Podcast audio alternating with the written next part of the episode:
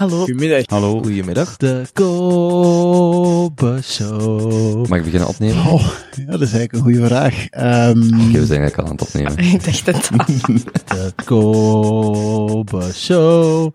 De Kobe Show. 1, 2, 3, 4, zeg maar Herman. Dat ben ik. Maak fouten. Kijk om je heen. Kun jij deze eruit knippen? Blijf je verwonderen. Vind het talent in jezelf. Kobe Show. Woe. Oh ja, en luister naar de podcast van Kobe. Vandaag met uw gastheer, Kobe. Jij werd aan het vertellen over een nieuw boek, al dan niet. Ehm, er is veel vraag voor een derde boek, ja. Trek hem eens iets dichterbij. Gewoon zo, ja. Zo beter? Mhm. Ja, er is veel vraag voor een derde boek. In de eerste plaats van de uitgeverij. Ehm, maar ehm, mijn hoofd barst van de ideeën. Dus daaraan eigenlijk zeker geen gebrek. Maar sinds dat Isaac er is, ehm, merk ik dat mijn brein niet meer langer kan denken dan tussen 9 en 17 uur. Mm. En dat is eh, heel zwaar eigenlijk. Echt. Ik leid er wel een beetje onder. Ik moet gewoon een manier vinden om ermee om te gaan. Ja, eer dat kind de deur uit is, is het ehm ja, ergens tussen 8 en 9 meestal. Alleen dat ik dan ook thuis ben. En um, hem gaan ophalen om 17 uur. En dan daartussen moet alles gebeuren. dat gaat niet. Allee, dat, eh, Maar dat wil vooral zeggen dat je gewoon geen ruimte meer hebt om na te denken. Dus Ja. Je hebt misschien wel ruimte om effectief te, te doen. uit te voeren, Ja, maar het is ehm, meer het nadenken, ja, het precies. creatieve. Precies. Ik heb, eh, hierdoor merk ik, maar dat wist ik eigenlijk ook al, ze, dat, ehm, dat mijn brein zo echt gelijk een woestijn wel nodig heeft aan tijd. Allee, tijd, onbeperkte tijd om eh, op grotere, over grotere dingen te kunnen nadenken. En ehm, ja, binnenkort moet ik het toch op een of andere manier doen, want mijn lezingen beginnen. Dus op 27 oktober heb ik mijn eerste lezing.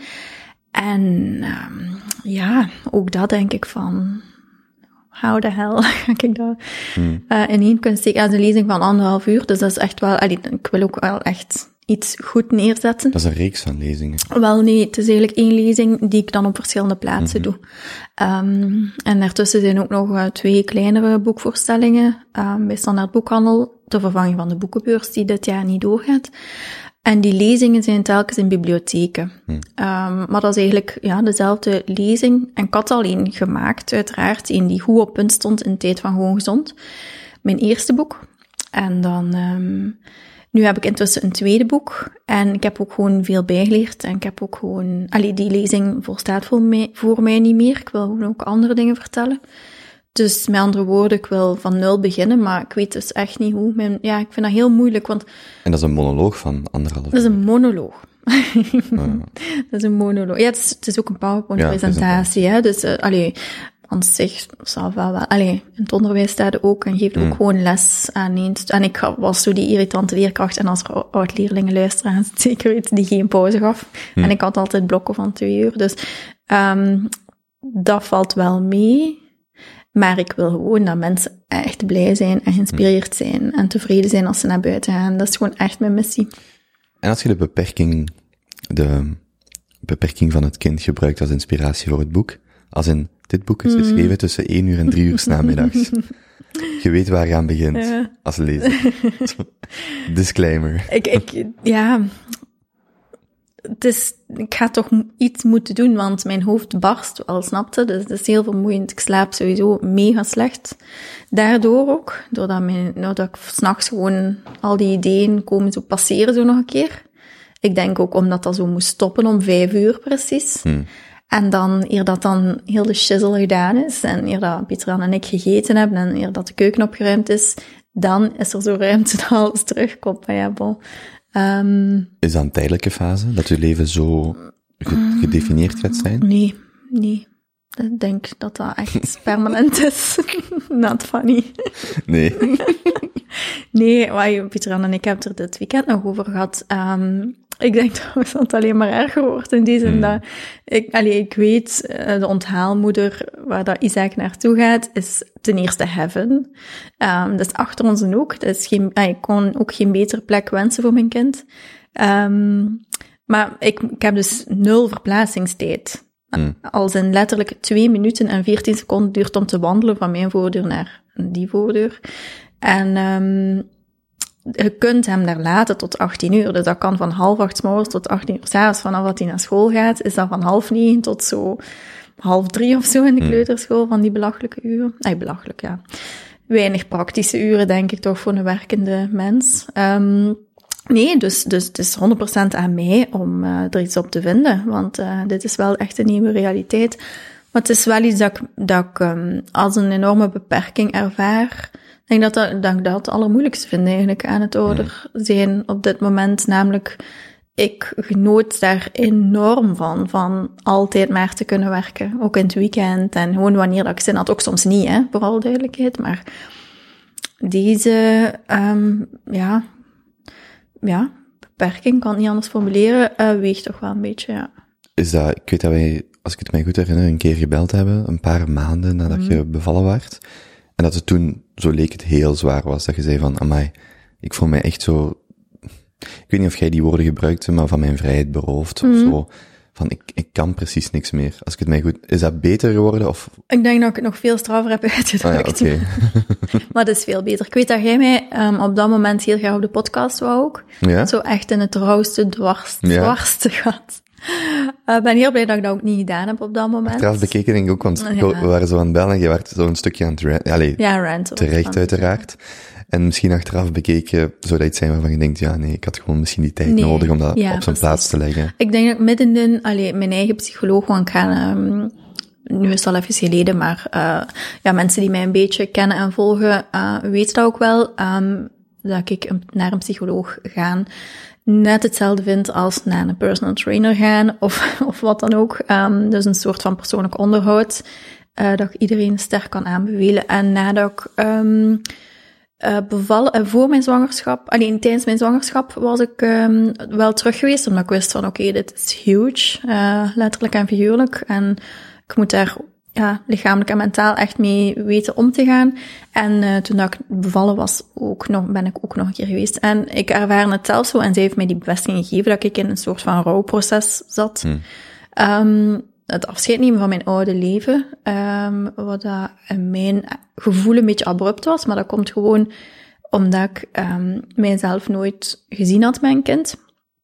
Dus ehm, als je vanaf je 16 jaar zo'n beetje een droomt van twee kindjes en dit en dat, allee, als dat zo'n beetje een visualisatie is die in je achterhoofd en dan altijd maar meer in je voorhoofd zit, dan is het misschien de overgang i- ja, ik weet het niet, hè, maar is dat misschien uh, iets minder brusk. Um, maar zij bevestigde dat van ja, en dit is niet abnormaal en jij moogt afscheid nemen. En, en, dus ik denk dat ik op dat moment heel erg daarin dat dat, dat zo'n combinatie van verdriet en woede was. En dan natuurlijk overgoten met de heerlijke saus van mom guilt. Want ja, het feit dat je zo voelt, voelde u natuurlijk ook wel schuldig ten opzichte van uw kind. Is dat wat valt binnen postnatale depressie? Of Nee, is dat, iets, dat, is iets, dat is iets volledig anders? Wel, ik, ik weet het niet, maar ik ben er altijd heel duidelijk in geweest. Ik, ik- het was niet dat ik zoiets... Ja, ik voelde gewoon dat dat rouw was. Ja, ik heb ook wel al wat gerouwd in mijn leven, helaas. Ehm, en dat voelde ook echt zo. Ik, ik wist dat dat voorbij zou gaan. Ik wist dat wel echt. Ehm, maar ik, ik ben wel van het theatrale type. Dus dan, allee, en theatraal bedoel ik hier eigenlijk niet in een funny way, maar echt zo, dat moet er dan ook echt uit, zo. Met de nodige ehm straffe taal ook wel soms. En dat was op dat moment zeker zo. Maar ik heb toen iets later wel een podcast gedaan. Ehm, de podcast Taboeps. En dat ging heel specifiek dan alleen, want ja, wij praten over een beetje van alles. Ehm, maar dat ging heel specifiek wel over die keerzijde van het moederschap. Eh, ik denk dat Isaac toen een maand of, I don't know, vier, vijf was. En ik moet zeggen dat ik, dat ik blij ben dat ik dat gedaan heb, in die zin dat, het was ook vlak bij mij, dus dat maakte het iets laagdrempeliger. Kreeg daar wel positieve reacties op van, van eigenlijk echt heel veel vrouwen die zich toch konden verplaatsen in mij en die zoiets van, oh my god, ik ben zo blij dat ik niet alleen ben. Ehm, dat niet, ja, het lijkt altijd zo roze wolken, maar ehm, er komt toch wel wat meer bij kijken dan gewoon, ja, het zijn niet alleen leuke momenten, dat is gewoon, eh, dat is gewoon zo. Ehm, in welke mate denk je aan een tweede? Eh, niet. Als een niet. Als een not. Ehm, Wel, nu, het is zo dat wij, ehm, als we een tweede kindje zouden nemen, dan zou dat een pleegkindje zijn. Ehm, Dus dat is eigenlijk al eh, beslist. Voor mij was dat ook ehm, logischer dan zelfs een natuurlijk kind, omdat er gewoon wel wat redenen zijn, ehm, maatschappelijk, eh, ecologisch, ehm, en ga zo maar door, om niet per se een extra kind op de wereld te zetten. Ehm, maar Pieter Jan had wel de drang om zelf een eh, biologisch kind te hebben. En dat is dan zo gekomen. Dat is echt, Isaac is echt letterlijk, zoals heel veel dingen in mijn leven, op mijn pad gegooid, bij wijze van spreken. Ehm, dus ik ben ook wel blij dat dat zo gegaan is. Dat past ook wel bij mij. En als er een tweede komt, zou het dus een pleegkind zijn. Ehm, ik moet wel zeggen dat het is altijd onder voorbehoud, voor mij, voor Pieter Jan niet. Die wil heel graag, eh, echt heel, heel graag een eh, tweede kindje en een pleegkindje. Ehm, maar bij mij is het wel zo, ik zeg altijd, eh, als we daarover bezig zijn, ik wil wel niet mijn eigen, of die van Isaac, of die van Pieter Jans, mentale en, of fysieke gezondheid op spel zetten. Snap je? Ik wil er gewoon sterk genoeg voor zijn. En op dit moment lijkt het soms alsof dat die dag nooit gaat aanbreken. Maar ja, dat is ook Maar bedoelt je dan fysiek of mentaal? mentaal, in de zin van, het, is, het is echt zwaar om te combineren. En ik denk als vrouw um, extra zwaar. Omdat je hebt, um, ja, we leven nu eenmaal in, in een maatschappij die verwacht dat je werkt alsof dat je geen kinderen hebt. En dat je een kind opvoedt alsof dat je niet werkt. Um, ik heb dat gehaald uit een quote ergens, uh, maar toen dat ik die las, en ik heb die lang, lang geleden gelezen, voordat ik ook maar enigszins dacht dat er ooit een kind zou komen. En ik dacht dan, wow, dat is wel echt waar. Dat er van vrouwen inderdaad, je moet presteren op je werk. En nu voel ik dat wel heel duidelijk. Nu, nu voel ik gewoon zelf een drang van het rustiger aan te doen met Carola's Kitchen. Um, wat absurd is, want ik ben ook langs de andere kant wel ambitieus voor een aantal... Ay, Dus dat is zo'n een eeuwig conflict, dat is echt moeilijk. Allee, eeuwig. Een conflict dat dus nu een paar maanden aan de gang Vanaf is. nu wel. Ja, wel. Ik ben benieuwd hoe dat gaat evolueren. En ik ben heel geïntrigeerd door vrouwen die het zo precies allemaal op een rij hebben. Maar meestal, als ik dan een keer vis, dan um, zijn ze ook wel heel snel om te zeggen, maar nee, jong, ben ik ook aan het ploeteren. En het is ook met kind zeulen van hier naar daar. En dan, ja. Uh, ja. Het is dan niet vaak de discussie of het punt waar je dan vaak op terugkomt van het lijkt, van wauw, die combineren alles Ja. en niet enkel over dit onderwerp.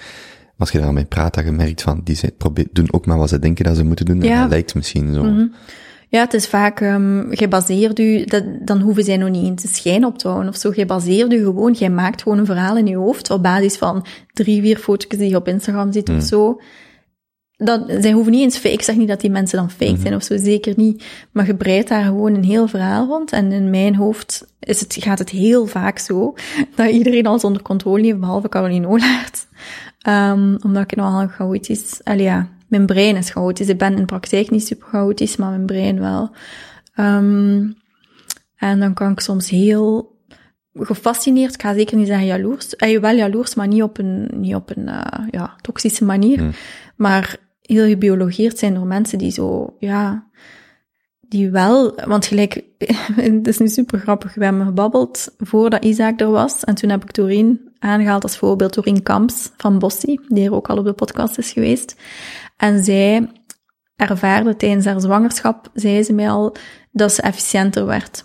Omdat gewoon, ja, op een bepaald moment in je zwangerschap worden ook echt moer en, en moet gewoon meer luisteren naar je lichaam. Um, dus je bent echt, ja, verplicht om efficiënter te worden, zei zij. En ze zei dat dat met, met baby nog meer was, omdat je dus alles gedaan moet krijgen tussen, I don't know, 8 en 5. Hmm. En ik had tijdens mijn zwangerschap, heb ik nog in de podcast tegen u gezegd van, ik ervaar dat niet. Ik hoop dat het gaat komen als Isaac er is. Van kijk, ja, we zijn nu negen maanden werk, ik heb nog altijd niet echt het gevoel. En, en het grote probleem is met die korte tijdsruimte, zal ik maar zeggen, um, dat ik doe wel veel, voor alle duidelijkheid. Ik doe het superveel, maar het zijn allemaal heel korte termijn dingetjes. Het zijn recepten ontwikkelen, het zijn um, dingen, content voor op Instagram um, verzinnen of voor op de blog. Um, dus ik heb heel veel ideeën, maar het zijn allemaal van die heel korte dingetjes die ik dus zo... Maar ja. was er mis mee? Ja, wat is daar mis mee? Ik voel dat, dat ik daar niet alles verteld in krijg. En het is, eh, Instagram is ook niet per se uh, mijn favoriete medium. In die zin dat, I love Instagram voor alle duidelijkheid, maar ik heb verhalen die je daar niet kunt vertellen. Dat is gewoon heel eenvoudig. Ik wil ook mensen meenemen in een soort van traject, um, naar dat eten volgens je buikgevoel traject, dat niet gaat via Instagram. Want je weet ook niet, als je een boek schrijft, vooral duidelijkheid, mensen kunnen nog altijd met mijn boek thuis doen wat ze willen natuurlijk, maar je geeft wel een geheel mee. En op Instagram consumeren mensen echt fractietjes. Hmm. Oei, pardon. Um, dus, um, dus ik zie het wel heel vaag voor mij, maar het is zo, ja, het ligt zo gelijk wel nog een dikke laag mist voor zo. Um, dus wat is er mis mee? Niets, helemaal niets, behalve dat ik dus het ei wel voel zitten van binnen. En dat is gewoon een beetje oncomfortabel wel. Wat ik ook, wat ik ook cool vond, dat was ik op voorhand nog aan het denken. We hebben nu, dus de derde keer. Mm -hmm. De eerste keer was dat zo, denk ik, in de hoedanigheid van uh, de, de... Ik begin niet over de eerste keer komen. is dat zo? Is dat, nee, nee. Is dat nee. zo cringy? Want als ik, ik heb hem niet meer herbeluisterd. Als ik ja, die story ja. maakte, zo, oh nee. Ja, ik weet het. Ik was ik, echt ik, een beetje ik aan ken het de emotie, eigenlijk. maar ja, echt? Ja, maar weet je hoe dat komt? Um, het is eigenlijk door echt heel specifiek één ding. Ik heb hem dus niet meer herbeluisterd, maar de vraag kwam in de Q&A. Um, dus ik doe om de twee weken op mijn Instagram doe ik een uh, Q&A, omdat mensen super veel vragen hebben over voeding en over koken. Um, en uh, voeding en gezondheid bedoel ik dan, en over koken. En ik kan dat niet bijbenen. Ik kan mensen niet beantwoorden via mail, via direct messages. Ik word er zot van. Um, ik vind dat onmenselijk, een onmenselijke taak. En die Q&A heb ik op die manier in het leven geroepen. En dus bij de vorige Q&A, letterlijk de vorige, vroeg er iemand, ja, bij de eerste podcast van Kobe, um, was het toch precies een stuk, een stuk restrictiever. Um, wat is er veranderd? Is het gewoon echt eten volgens je buikgevoel dat geëvolueerd is? Of is het nieuwe kennis die je hebt opgedaan? En ja, dus, dus ik, ik, ik vind het moeilijk omdat Ah ja, ik had mij voorgenomen om deze podcast te beginnen met de datum heel duidelijk te zeggen.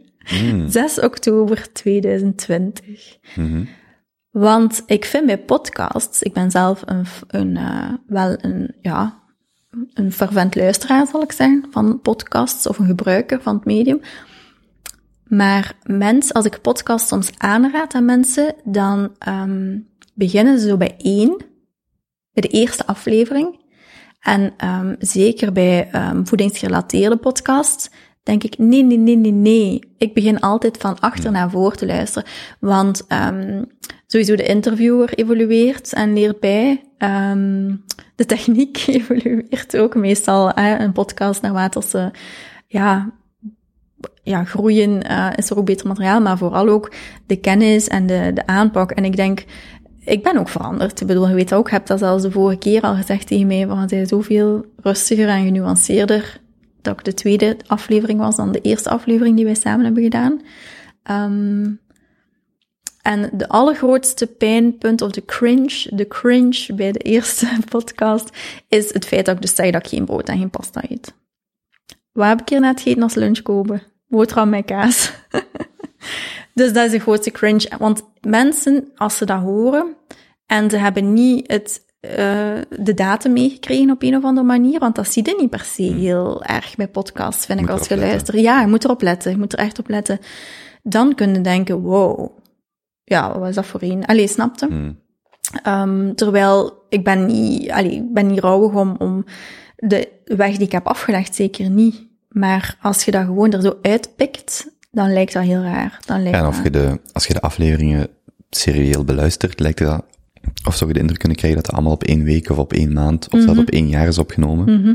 Maar je vergeet dat daar een periode van vier jaar tussen Ja, zit. hè. inderdaad. En dat mensen, ik heb daar, wij doen met maten elke twee weken een opname, en ik zei dat ook tegen hen, van, je zegt daar iets in een podcast, maar dat is mijn mening op dat moment. Ja, ja, precies. Want, want daar ging heel het punt over van, maar Kobe, soms zeg je iets, maar hè, hoe, hoe gaan mensen daarop reageren? En dan zeg ik je, maar oh. En ik ben iemand die vaak dingen moet zeggen, ook off, off the record. Ik moet iets zeggen om mijn gedachten te vormen. Mhm. Dan spreek ik dat uit en dan merk ik, ah ja, nee, nee, wow, dat klinkt Mhm. helemaal niet gelijk ik dacht, of het voelde. En dan zeg ik ook tegen die gasten van, je hebt dat gezegd op dat moment, maar jij bent niet getrouwd met die meningen. Nee. Misschien denk je al een uur daarna van, ik geloof dat helemaal Maar niet ik, meer. ja, maar ik En denk dat mensen dat niet moeilijk. meekrijgen. Nee, dat is inderdaad omdat je, je zegt daar iets en je denkt, of als luisteraar denk je, ah, dat heeft hij daar gezegd. En ver- ja, ik denk dan dat het als luisteraar een bepaalde intelligentie en empathie ver- vereist, dat je kunt inzien van, ah ja, mensen veranderen van mening. En dat is niet zo gemakkelijk. Als je dat erbij zegt, denk ik dat mensen dat onmiddellijk, ah ja, juist, mensen veranderen van mening. Hè? Ehm, maar als je dat er niet bij zegt, dan, ehm, of als je niet actief die datum daarbij ziet of denkt, dan denk ik dat, dat veel mensen toch, ehm, ja, eerder dat zien als een feit dan als een mening. Ik denk, ehm, want er is één podcast die ik al een paar keer had aangeraden op Instagram. En die ik ben beginnen luisteren. ehm, What the hell do I eat, heet die. En ehm ben die beginnen luisteren van achter naar voor. Eh, een tijd terug. Ik heb die echt gebinge listened. Ehm, en eh, ik had die een paar keer aangeraden en mensen waren die beginnen luisteren eh, op mijn aanraden van voor naar achter. En die zeiden, Caroline, zo chaotisch, zo ongenuanceerd. En ik ben, op een bepaald moment ben ik, ehm, omdat ik Isaac zijn kamer aan het renoveren was en dus heel veel podcasts aan het luisteren was, dacht ik, ik ga nu niet van achter naar voor verder doen, ik ga nu toch ook van voor naar achter beginnen. Dat was zo ergens in de helft omdat ik dan kan doorluisteren. Snap, dan loopt hij, dan loopt mijn Spotify gewoon door. Um, en moet ik niet elke keer actief met mijn verfvingers aan mijn gsm zitten. En toen dacht ik ook van, wow, die waren inderdaad wel zo fel en zo, ja, minder genuanceerd. Dus dat vind ik zo, dat vind ik het moeilijke aan het, uh, aan het. Maar ja, mijn boek Maar is dan mo- hetzelfde. Ja, en met een blog, ik was, Ja, als ik uw eerste hetzelfde. blogpost zou Maar vergelijken ja, met uw echt laatste. verschrikkelijk als weeg, maar echt weeg. Juist uitroeptekens en hoofdletters. Uw beschrijving van uzelf op uw blog vier jaar geleden. Ja. Of, allee, zo. Ja, sowieso. En, Die want staan er nog op. Overlaatst kreeg ik een berichtje van iemand. En die zegt zo, eh, ja, ik heb je podcast ontdekt, ik vind het leuk, maar ik weet niet waar ik moet beginnen, dus ik ben gewoon bij één begonnen en ik zit nu aan 86. en ik vind dat heel, ik vind dat heel cool, want dan denk ik echt, ik, ik zet nu die oude afleveringen op en dan denk ik echt, oh nee. Ouch. Ja. ouch. En, en er is een opname, ik heb twee jaar geleden Paula Marx geïnterviewd, die, uh, die is nooit uitgezonden, zij is ondertussen overleden. En ik denk dat ik het nog wel wil uitzenden, maar wat meer gekaderd. Maar ik ben dat nu aan het herbeluisteren en ik denk echt, ik word zot van mijzelf. Ja. En dat is nog maar twee jaar geleden Mm, of zo. Ja, maar ja, precies. Maar ik denk wel binnen dat medium dat je de, zowel als luisteraar of als maker, en dat is even goed als, als uh, blogger of schrijver, dat je jezelf de ruimte moet geven van, ik mag van mening veranderen. Ja, maar dat is, dat is niet zo...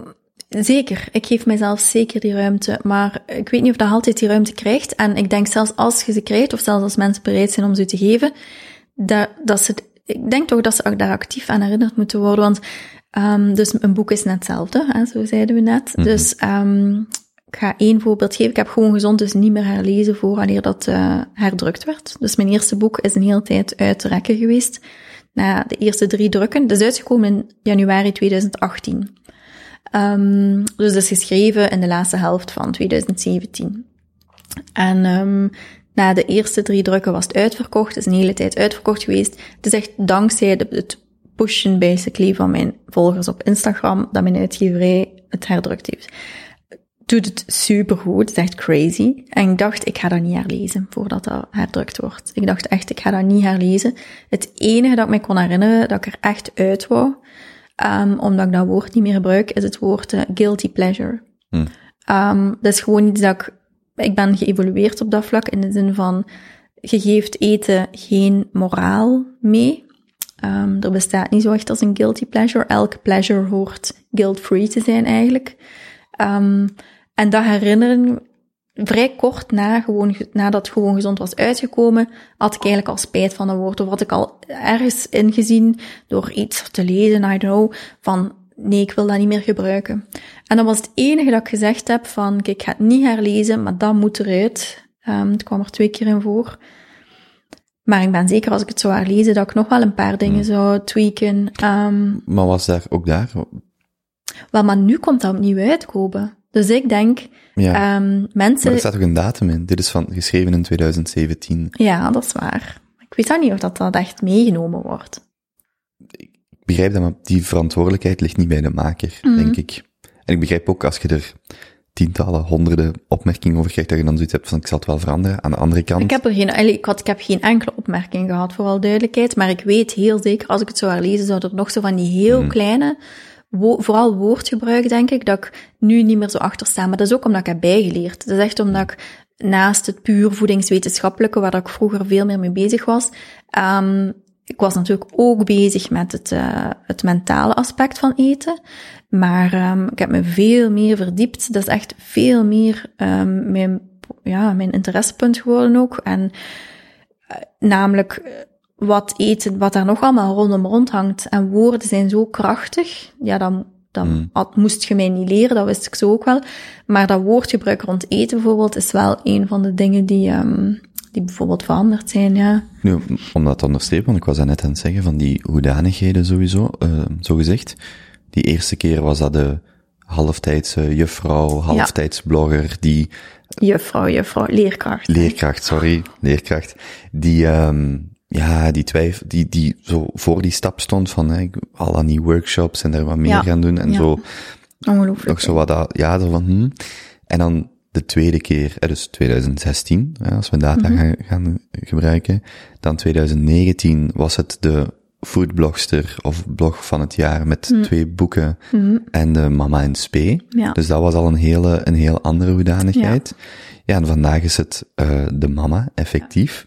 En dat je zo telkens zo, of hoedanigheid of rol, en je zit dezelfde persoon, maar het is ook cool dat elk um, gesprek of elk, elke fase wordt zo min of meer gedomineerd door een bepaald, uh, een bepaalde gebeurtenis of een bepaalde uh, situatie waar je je in bevindt. En dat vond, dat vind ik ook wel heel cool om zo te zien van, de eerste keer was het vooral dat, de tweede keer was het vooral dat, de derde keer. En dat is zo, ik vind die, ja, omdat je dat zegt van ik wil misschien een woord veranderen of aanpassen of updaten, maar je ziet ook heel, je ziet ook de progressie van iemand. En ik denk dat je dat ook niet mocht onderschatten voor, voor mensen die u volgen, maar voor jezelf ook, hè, mm. van in welke mate groei ik als persoon. En dat wil niet zeggen dat wat ik vier jaar geleden zei, dat dat daarom, dat was wat ik toen geloofde en dat was goed genoeg.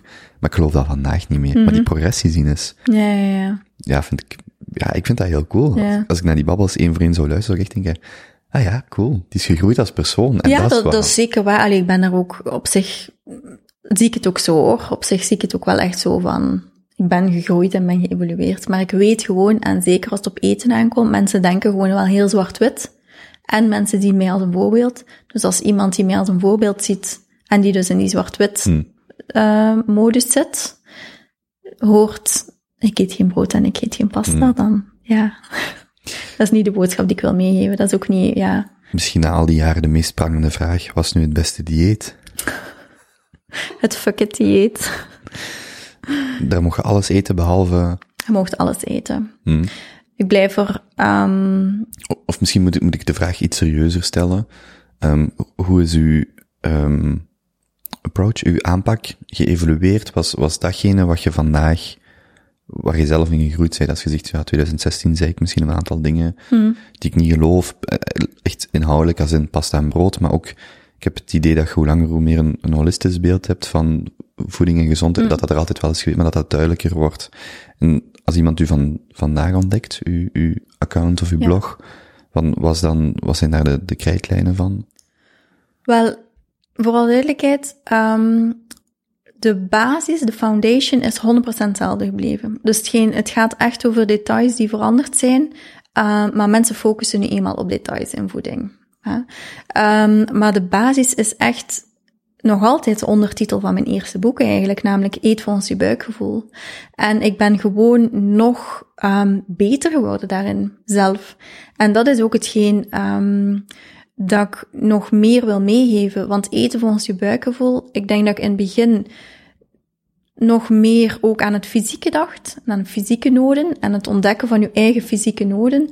Maar um, je hebt natuurlijk ook mentale noden. Ik bedoel, mentale gezondheid is iets dat zo onderschat wordt. Dus ook eten heeft ook daarop een groot impact. En vooral negatief eigenlijk. Namelijk eten zorgt voor zoveel stress bij zoveel mensen. En de impact van die stress um, is dan ook weer fysiek, want dat brengt stresshormonen met zich mee en zo verder enzovoort. Dus daar heb je eigenlijk een dubbele weerslag van. En die loop en die neerwaartse spiraal is toch iets dat uh, voor mij nog duidelijker is geworden. Um, en ik durf uh, wel zeggen dat ik echt nog geëvolueerd ben in het niet restrictief eten. Dus ik, ik vond van mezelf, op dat moment dat wij aan het praten waren, en dat ik zei, ik eet geen brood en ik eet geen pasta, vond ik al dat ik niet restrictief at. Wat onzin is. Onzin. Ik eet graag brood. Ik eet, ja, pasta boeit me niet zo heel erg, maar, ehm, maar toch voelde dat zo. Ehm, dus ik was niet aan het liegen. Allee, ik bedoel, snap je? Het is, het is geen onzin. Hè? Maar ik ben mij in de loop van, ehm, ja, in de loop van de tijd ook over een aantal dingen die ik doe, beginnen afvragen, waarom doe ik dit? Waarom? Is dat nu echt omdat dat mijn buikgevoel is? Is dat echt omdat mijn lichaam hierom vraagt? Of is dat toch een, een um, indoctrinatie ergens die hier zit door de dieetcultuur? We leven in een dieetcultuur. We leven in een cultuur waarbij dat afvallen um, beloond en geprezen wordt, waarbij bijkomen um, niet beloond en niet geprezen wordt, een beetje doodgezwegen wordt. Um, we leven in een cultuur waarbij dat we constant, constant um, geprikkeld worden om iets te doen aan ons lichaam. Uh, om af te vallen, om iets aan onze cellulitis te doen, om I don't know what. Uh, maar de dieetcultuur is, heeft tengels, zeg je dat tengels ook? Nee, ja, ja zo um, vertakkingen um, tot overal. Je, je, doet een babbel met iemand en die begint, ik ben op reis gaan, ja, kan mij wel laten gaan. Of veel gedronken, kan ook voor drank gaan. Het zit zo overal tussen. Ik zei het zelf voor we begonnen op te nemen. Ja, precies. Ik dacht er ook aan, hoor, Kobe. Ik dacht van, kijk, voilà, ik zit hier gewoon, ik ben niks aan... Allee, we mm -hmm. hebben helemaal geen gesprek over eten en jij mm -hmm. begint erover... Ik was gewoon mijn boterham en kaas echt aan het opeten. En ik dacht, allee, dat is gewoon iets dat voor mij dat zijn dingen waar ik mij veel bewuster van ben, mm -hmm. van hoe diep geworteld het is. En daarom was ik me beginnen afvragen, ja, maar ik ben daar niet immuun voor. Ik ben ook maar een lid van deze maatschappij. Dus ik was me echt over een aantal gebruiken, of een aantal dingen die ik doe, beginnen afvragen, is het nu een restrictie? Een kleintje die ik mij opleg, die ik zelfs niet meer voel? Of is dit nu echt vanuit mezelf, dat ik dit kies?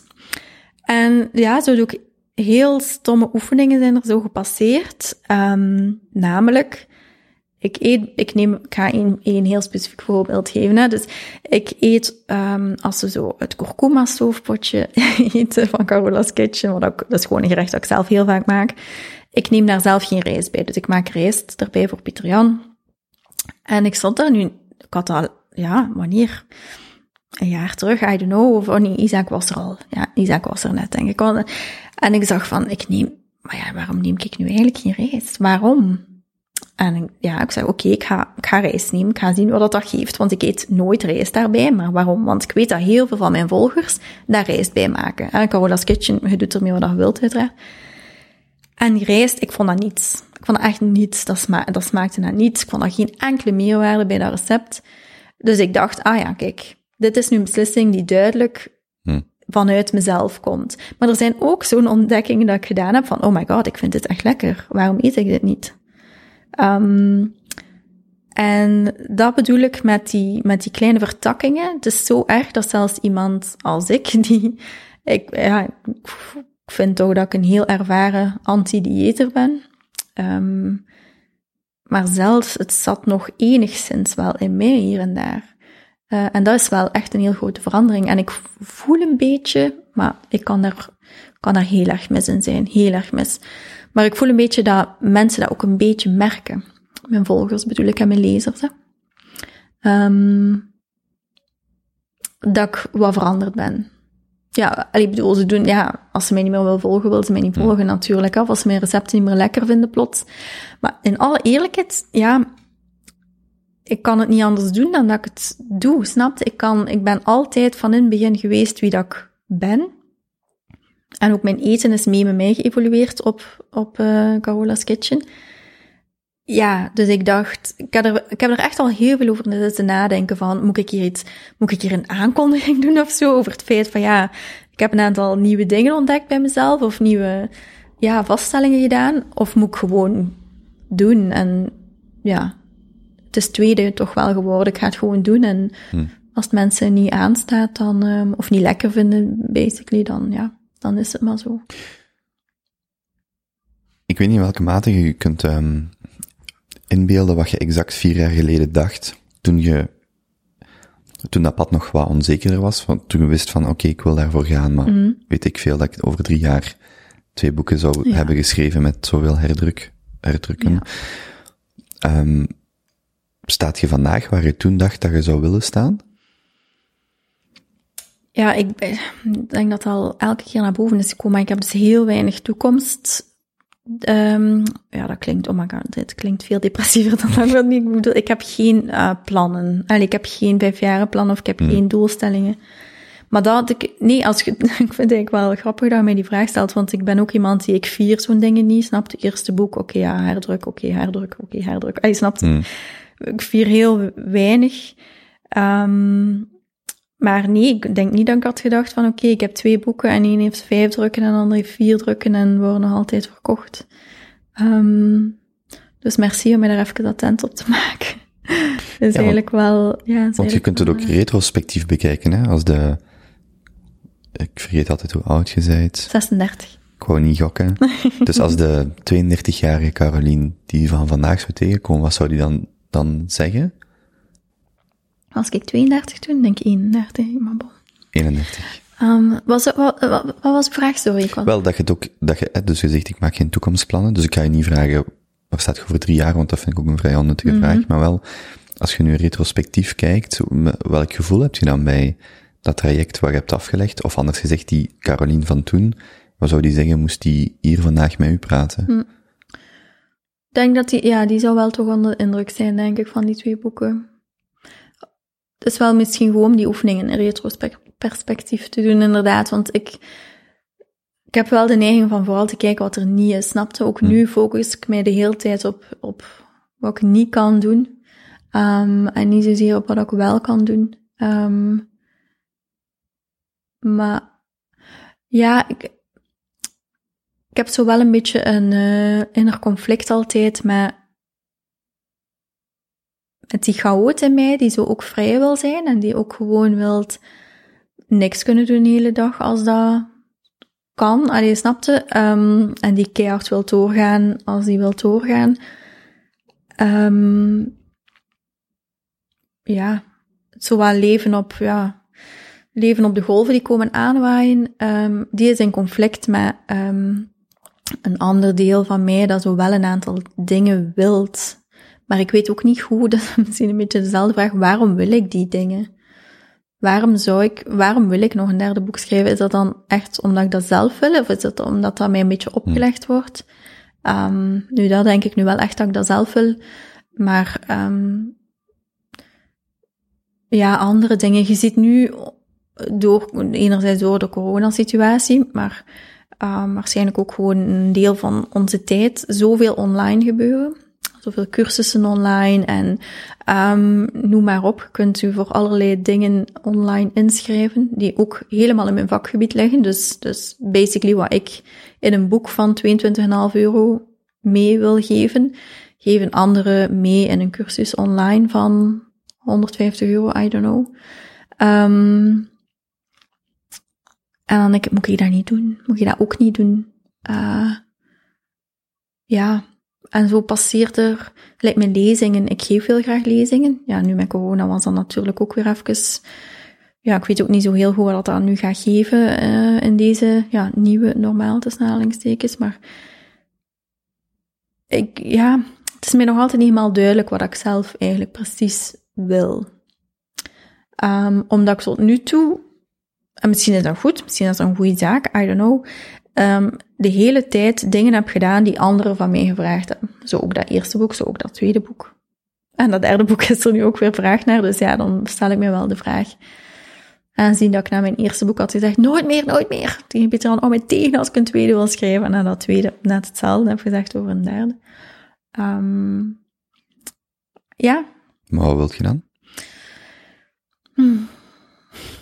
Ik een stom antwoord zoals gelukkig zijn of zo? Ik wil, ik wil rust, dat wil ik eigenlijk. Nu, ik vind geen rust door niets te doen, en vooral duidelijkheid, absoluut niet. Ik vind geen rust door niets te doen. Dat is niet mijn, dat is niet de boodschap die ik hier wil meegeven, van laat me mijn rust en ik wil... Maar ik weet gewoon nog niet waar dat ik die rust echt helemaal in vind. Um, ja, ik, ik, ik leef echt in onrust momenteel in mijn hoofd. En um, ja, dat is super vermoeiend. Dat is echt super vermoeiend.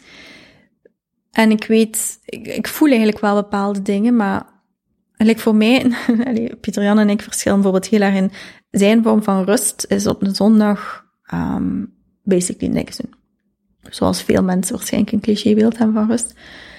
Maar voor mij is rust op mijn gemak, dus op mijn gemak, dat heb ik nog gezegd in podcast 1, daar sta ik wel nog altijd 100% achter, dingen op mijn gemak kunnen doen. En mm. zoek, maar doen wel, hè, poetsen, in de tuin werken, mm. uh, recept maken, um, dingen op mijn gemak kunnen doen. Um, ik weet dat niet, dat lijkt zo'n utopie. Toen was dat mogelijk, hè. Toen, op dat moment dat wij die eerste podcast opnamen, of dat jij mij voor de eerste keer sprak, uh, deed ik alles op mijn gemak. Echt waar. Ja, dat was het sleutelwoord, op het gemakje. Ja, ja op het gemakje. Ik weet nog dat ik heel hard moest lachen. Heb die toch herbeluisterd, is juist. Naar aanleiding van die tweede waarschijnlijk. Um, ja, dat, dat wil ik, ik wil er toch terug, terug naar in de buurt komen, ja. ja. Maar waarom was dan het stukje dat, dat je moet overbruggen om daar te geraken? Of, het, FOMO, het, is niet, het is niet de juiste metafoor, maar om dat terug te vinden. Want uw leven is per definitie meer gestructureerd. Mm. Wat neem ik aan voor sommige mensen ook een manier is om rust in die structuur te vinden. En niet in de structuur, maar in het feit dat je net minder zorgen hebt of minder opties. En dat daaruit een soort van structuur wordt opgelegd. Ja, uh, minder opties inderdaad, maar ik weet niet of mij dat rust geeft, hè, per se. In die zin dat, ja, ik zou ook niet, ja, het was zelfs op een bepaald moment zo gekomen dat ik zo in de knoop zat met de zorg voor, voor Isaac te combineren met Carola's Kitchen, um, dat ik even luid op zei, zelfs van misschien moet Carola's Kitchen gewoon on hold zetten. Om, ja. En dat zowel Pieter Jan als mijn zus als vriendinnen zoiets hadden, nee, punt 1, nee. En punt 2, dat gaat u niet helpen, want je, je kunt Hmm. dat toch niet. Je gaat zo geborreld van dingen die eruit moeten gewoon. En uh, dat gaat, daar een stop op steken gaat gewoon niet helpen. Daar heb ik heel snel ook ingezien dat dat inderdaad geen oplossing is. Maar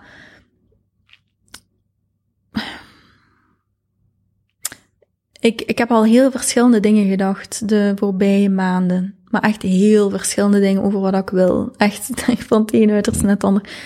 En ik, ik zit zo'n beetje in een dubbele persoonlijkheid, hè, in de zin van, um, ik bedoel online, hè. Uh, namelijk, ik maak recepten. Dus ik bedenk recepten, ik fotografeer die, ik schrijf die op en ik gooi die online. Um, en langs de andere kant ben ik dan de um, biomedisch wetenschapper, die kritisch is naar uh, voedingsfabels, die kritisch is naar de dieetindustrie en die daar ook tegenin wil gaan. En ik dacht op, op een bepaald moment, want dat, dat is gelijk een. Um, maar wat moet ik dat nu vergelijken? Een, een vechtkrachtachtig iets, I don't know, een soort van instinct. Een instinct, denk ik dat dat het best is. Um, dus dat komt bij mij heel erg op als ik dingen zie passeren online. Zeker influencers met honderdduizenden volgers die onzin verkopen over stelde rijsap en van die dingen.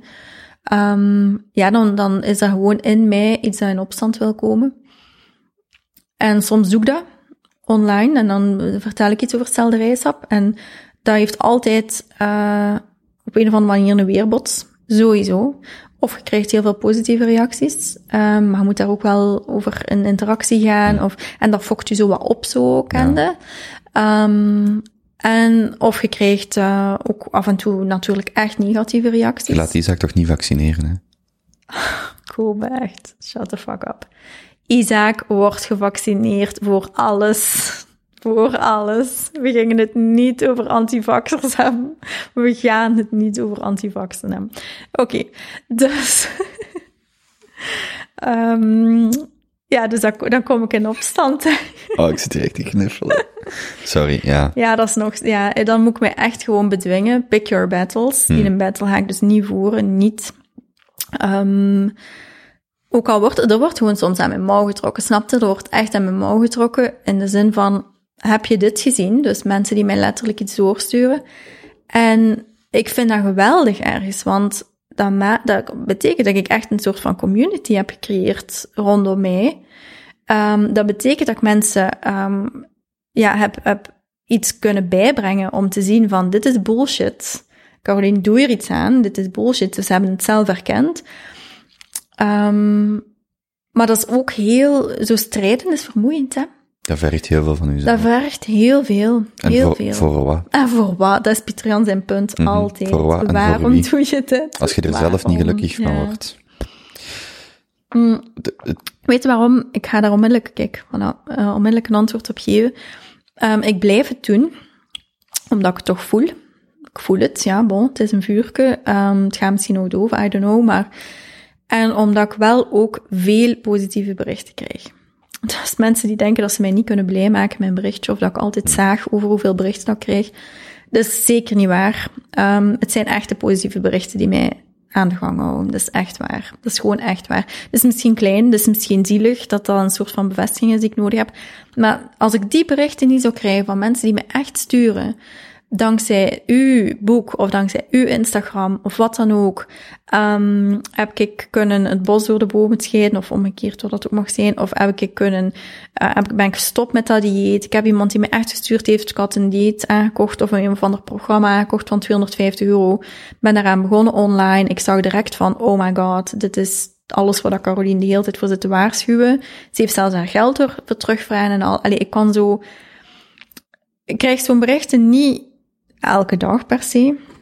Ik ben daar ook nogal, ben denk ik relatief ontoegankelijk op Instagram. Uh, maar dat is gewoon omdat ik dat niet kan. Ik kan niet alles beantwoorden, dus ik scherm me redelijk, redelijk af. Um, maar die berichten, um, ja, zonder die berichten zou ik ermee stoppen. Punt aan de lijn. Met, de anti, met het gevecht, hè. Hmm. Met het gevecht zou ik echt, dan zou ik echt denken van, voor wie doe ik dit? Maar nu heb ik het gevoel toch van, ik help hier wel mensen mee. Oh, dat klinkt zo martelaar. Maar ja, dat is wel de reden. Ja, ik kan het niet een kant gewoon niet anders zeggen. Um, want ik ben er al. Sorry, dat is misschien super arrogant om te zeggen, maar ik ben ongelooflijk chill met eten. Ik eet alles wat ik wil eten. En nee, ik eet niet alle dagen pizza, want wie wil alle... Allee, dat is gewoon... Mensen denken vaak, als ik zeg over eet volgens je buikgevoel, letterlijk, het antwoord dat ik heel vaak krijg, ja, maar ja, dan eet ik alle dagen ijs en pizza. Want mijn buik wil altijd ijs en pizza. Hmm. Ja, etens, etens twee dagen alleen maar ijs en Hmm. pizza. Uw buik gaat wel heel duidelijk zijn dat je dat niet wilt. Ik, ja, het is Ik echt... ga niet naar je naar het toilet als jij enkel ijs en pizza eet. Ja, dus, dus, dus ik, heb, ik, ja, ik heb de struggle al gestreden. Het heeft mij jaren gekost, jaren. Uh, maar ik heb de struggle echt doorgemaakt. En ik ben nu op een punt dat ik, um, ja, zelfs, en dit, dit is waarschijnlijk nieuwe informatie voor mensen die mij uh, heel close volgen, maar ik kan zelfs dozen koekjes in mijn huis hebben staan zonder dat ik ze allemaal leeg eet. Um, eerlijk waar, twee jaar geleden had ik dat niet gekund dan was ik nog in conflict met, met bepaalde dingen. Um, en dus het is echt een weg die je moet afleggen. Ik zou ook niemand aanraden die begint met eten volgens je buikgevoel van in één keer uh, ja, los te gaan. Oh, je kunt dat een keer doen, hè, losgaan op alles, maar... Uh... Even terug naar dat van daarnet. Het, uh, het beeld dat ik in mijn hoofd had was zo... Als het ging over welke strijd wel of Mm, niet en, mm. en voor wat springt je wel op de barricade en voor wat niet. Ja. Zo het gevoel en de tweestrijd tussen uh, Caroline van Carola's Kitchen en dan de biomedische uh, wetenschapper. Um, dat zo Caroline, Carola's Kitchen wat ontgroeit of ontstijgt, ik weet niet wat de juiste woorden zijn, maar dat dat, zo voelt dat voor mij, want het is begonnen als Carola's Kitchen met recepten en dan die boeken enzovoort en zo verder. Maar je zit ook meer dan dat. En een van de dingen die mij is bijgebleven als je in verwachting waart, uh, of vlak daarna, ik heb denk ik een paar keer gezegd van, ik wil niet dat het zo een mama Instagram of zo de Nee. mama dingen wordt. Mm. Maar dat is wel integraal deel van wie je bent en van wat je leven is. En dat was zo een van die dingen dat ik dacht, ja, Caroline is vandaag meer dan, of Carola's Kitchen is niet meer de Caroline van 2016 Nee, of dat is 15 waar, toen ja. het begon. Het is veel meer dan dat. Ik denk dat daar misschien ook wat wringt van, ja, wat, wat dan wel, wat dan niet, wat past nog binnen die noemer of binnen dat idee. Ik moet zeggen dat, ehm, ik snap u, maar ben niet echt akkoord. In die zin dat, daar denk ik nu een keer echt niet over na. Want ik weet, de, het, Carola's Kitchen is een naam die van, voor mij vanaf dag één de lading niet dekte. Ehm, dus ik heb eh, die naam ook echt gekozen in een wink of an eye op een 1 april 2014 letterlijk van wat ga ik vandaag een keer doen? Ah, een Facebookpaginaatje aanmaken. Echt nul over nagedacht. Nul, nul, nul. En vanaf dat ik door had van, oh my god, hier zitten honderd mensen op en ik ken die niet eens, ehm, dacht ik, pff, ja, ik weet niet wat het precies is dat je bedoelt, maar in alle geval, ik bedoel niet letterlijk de naam, maar ik, eh, van in het begin was het heel moeilijk om ehm, samen te vatten wat ik precies doe. Want ook mijn boeken bijvoorbeeld, ik ben heel blij ook met positieve berichtjes van mijn boeken soms, want ik kan niet uitleggen wat mijn boek doet voor iemand. Het is geen kookboek. Het is niet echt een leesboek. Ja, wat voor iets is dan wel? Het is zo, het is ook een beetje, sommige mensen noemen het echt een mindsetboek. Wauw, wat ik, ja, dat weet ik, want ik, ik geef ook inderdaad aandacht aan, um, ja, psychologie, bepaalde zaken. Uiteraard ben ik geen psycholoog, maar ik heb wel uh, dingen zelf meegekregen, dus die probeer ik ook aandacht aan te geven. Dus ik, ik kan het ook niet verwoorden. Mensen vragen mij ook soms, wat is het verschil tussen nu eerste en nu tweede boek? Ik vind dat zo moeilijk, omdat er is een gigantisch verschil, maar ik vind het zo moeilijk om allemaal uit te leggen. Maar bijvoorbeeld, als je het zegt, het uh, recept bedenken, maken, mm -hmm, fotograferen, mm -hmm. posten, ja, dat is toch iets wat je jaren, jaren gedaan hebt. En waar maar je, nu nog doe, hè? Ja, ja, maar ja. waar je toch minder bij stilstond als, hè, want dan zeg je, ja, nu doe ik dit, maar ik wil meer doen. Ik, heb, mm. ik wil op langere termijn iets doen. Ja. Zodat je daar ook in evolueert. En ik zeg niet dat, dat daarom Carola's Kitchen dat niet meer dekt, maar je groeit gewoon als persoon. En ik kan Mm. me voorstellen dat je op een bepaald moment zit van, ik wil meer dan louter dat wat ik altijd gedaan heb, maar ergens zit daar die frictie van, wat verwachten mensen van mij, of wat, wat verwacht ik van mijzelf, Mm. of het is toch logisch dat ik een derde boek schrijf, of nog duizend recepten bedenk de komende tien jaar of zo. Maar dat jij zelf van jezelf voelt, ja, maar ik wil misschien andere dingen doen, of meer doen, of breder gaan dan dat. Wel, ik wou, ik wou dat eigenlijk net niet. Dus toen ik daarnet zei van die recepten, um, ik denk tot een maand of twee geleden, had ik nog um, een meeting met mijn uh, webdesigner en zei ik, ik ga vanaf nu alleen maar recepten doen. Gewoon de blog, de blog, de blog, de blog. Verder hoeft het even niet te gaan voor mij. Um, dus ik wou juist eerder downsizen. Mm. Um, maar ik heb, ik heb toch echt het gevoel dat je dat precies niet uh, zelf beslist. En dan bedoel ik niet dat er um, druk is van buitenaf, maar ook van binnenin. Zo een, een, je zei ook, je zei ook wie je zei zeker? I don't know. Allee, ik zou, ik zei het daarnet nog tegen u, hè. stel dat het nodig zou zijn, stel dat het financieel nodig zou zijn. Ik zou zonder probleem in de, de lijst gaan werken, zonder probleem. Maar ik zou een miljoen side projectjes hebben om allerlei creatieve eieren en kwijt te kunnen, sowieso. Um, zo is Carola's Kitchen dus ook ontstaan van echt gewoon, ik verveel mij vandaag. Wat houdt mij al een tijdje bezig? Ah bon, een Facebookpaginaatje maken. Echt zo is ontstaan. Een, een eitje, een creatief ei dat ik ja, in het onderwijs niet kwijt kon. Um, dus ik wou dat ik kon zeggen, ik maak alleen nog maar recepten. Want ik vind dat superleuk. Het is ook heel uh, ja, snel in de zin van zondag ging, of, of vrijdag gingen de appelkaneelbollen online. En letterlijk vanaf het online gaat, uh, zie ik dat ja, mensen eraan beginnen. In stories uh, reageren mensen op de blog van, ah, kan, kan ik dat ook maken? Heb alleen dat mail in huis, kan ik dat ook met dat mail? Dus je gaat onmiddellijk in interactie met mensen die dat dus onmiddellijk gaan maken. En die daar dan ook van genieten, die een gezin daarmee meenemen. Um, want dat is, zo is het wel nog altijd ontstaan en zo is de bedoeling van, ik wil dat gezond eten, dat dat woord gezond wegvalt. Dat dat gewoon eten is, snapte? Um, vandaar ook mijn titel, gewoon gezond, van gewoon. Ik wil dat dat gewoon wordt. Dat, dat de manier waarop dat ik kook en de manier waarop dat ik eet, is, vol, is zeer evenwichtig, is zeer gezond, ook al vind ik dat een echt woord.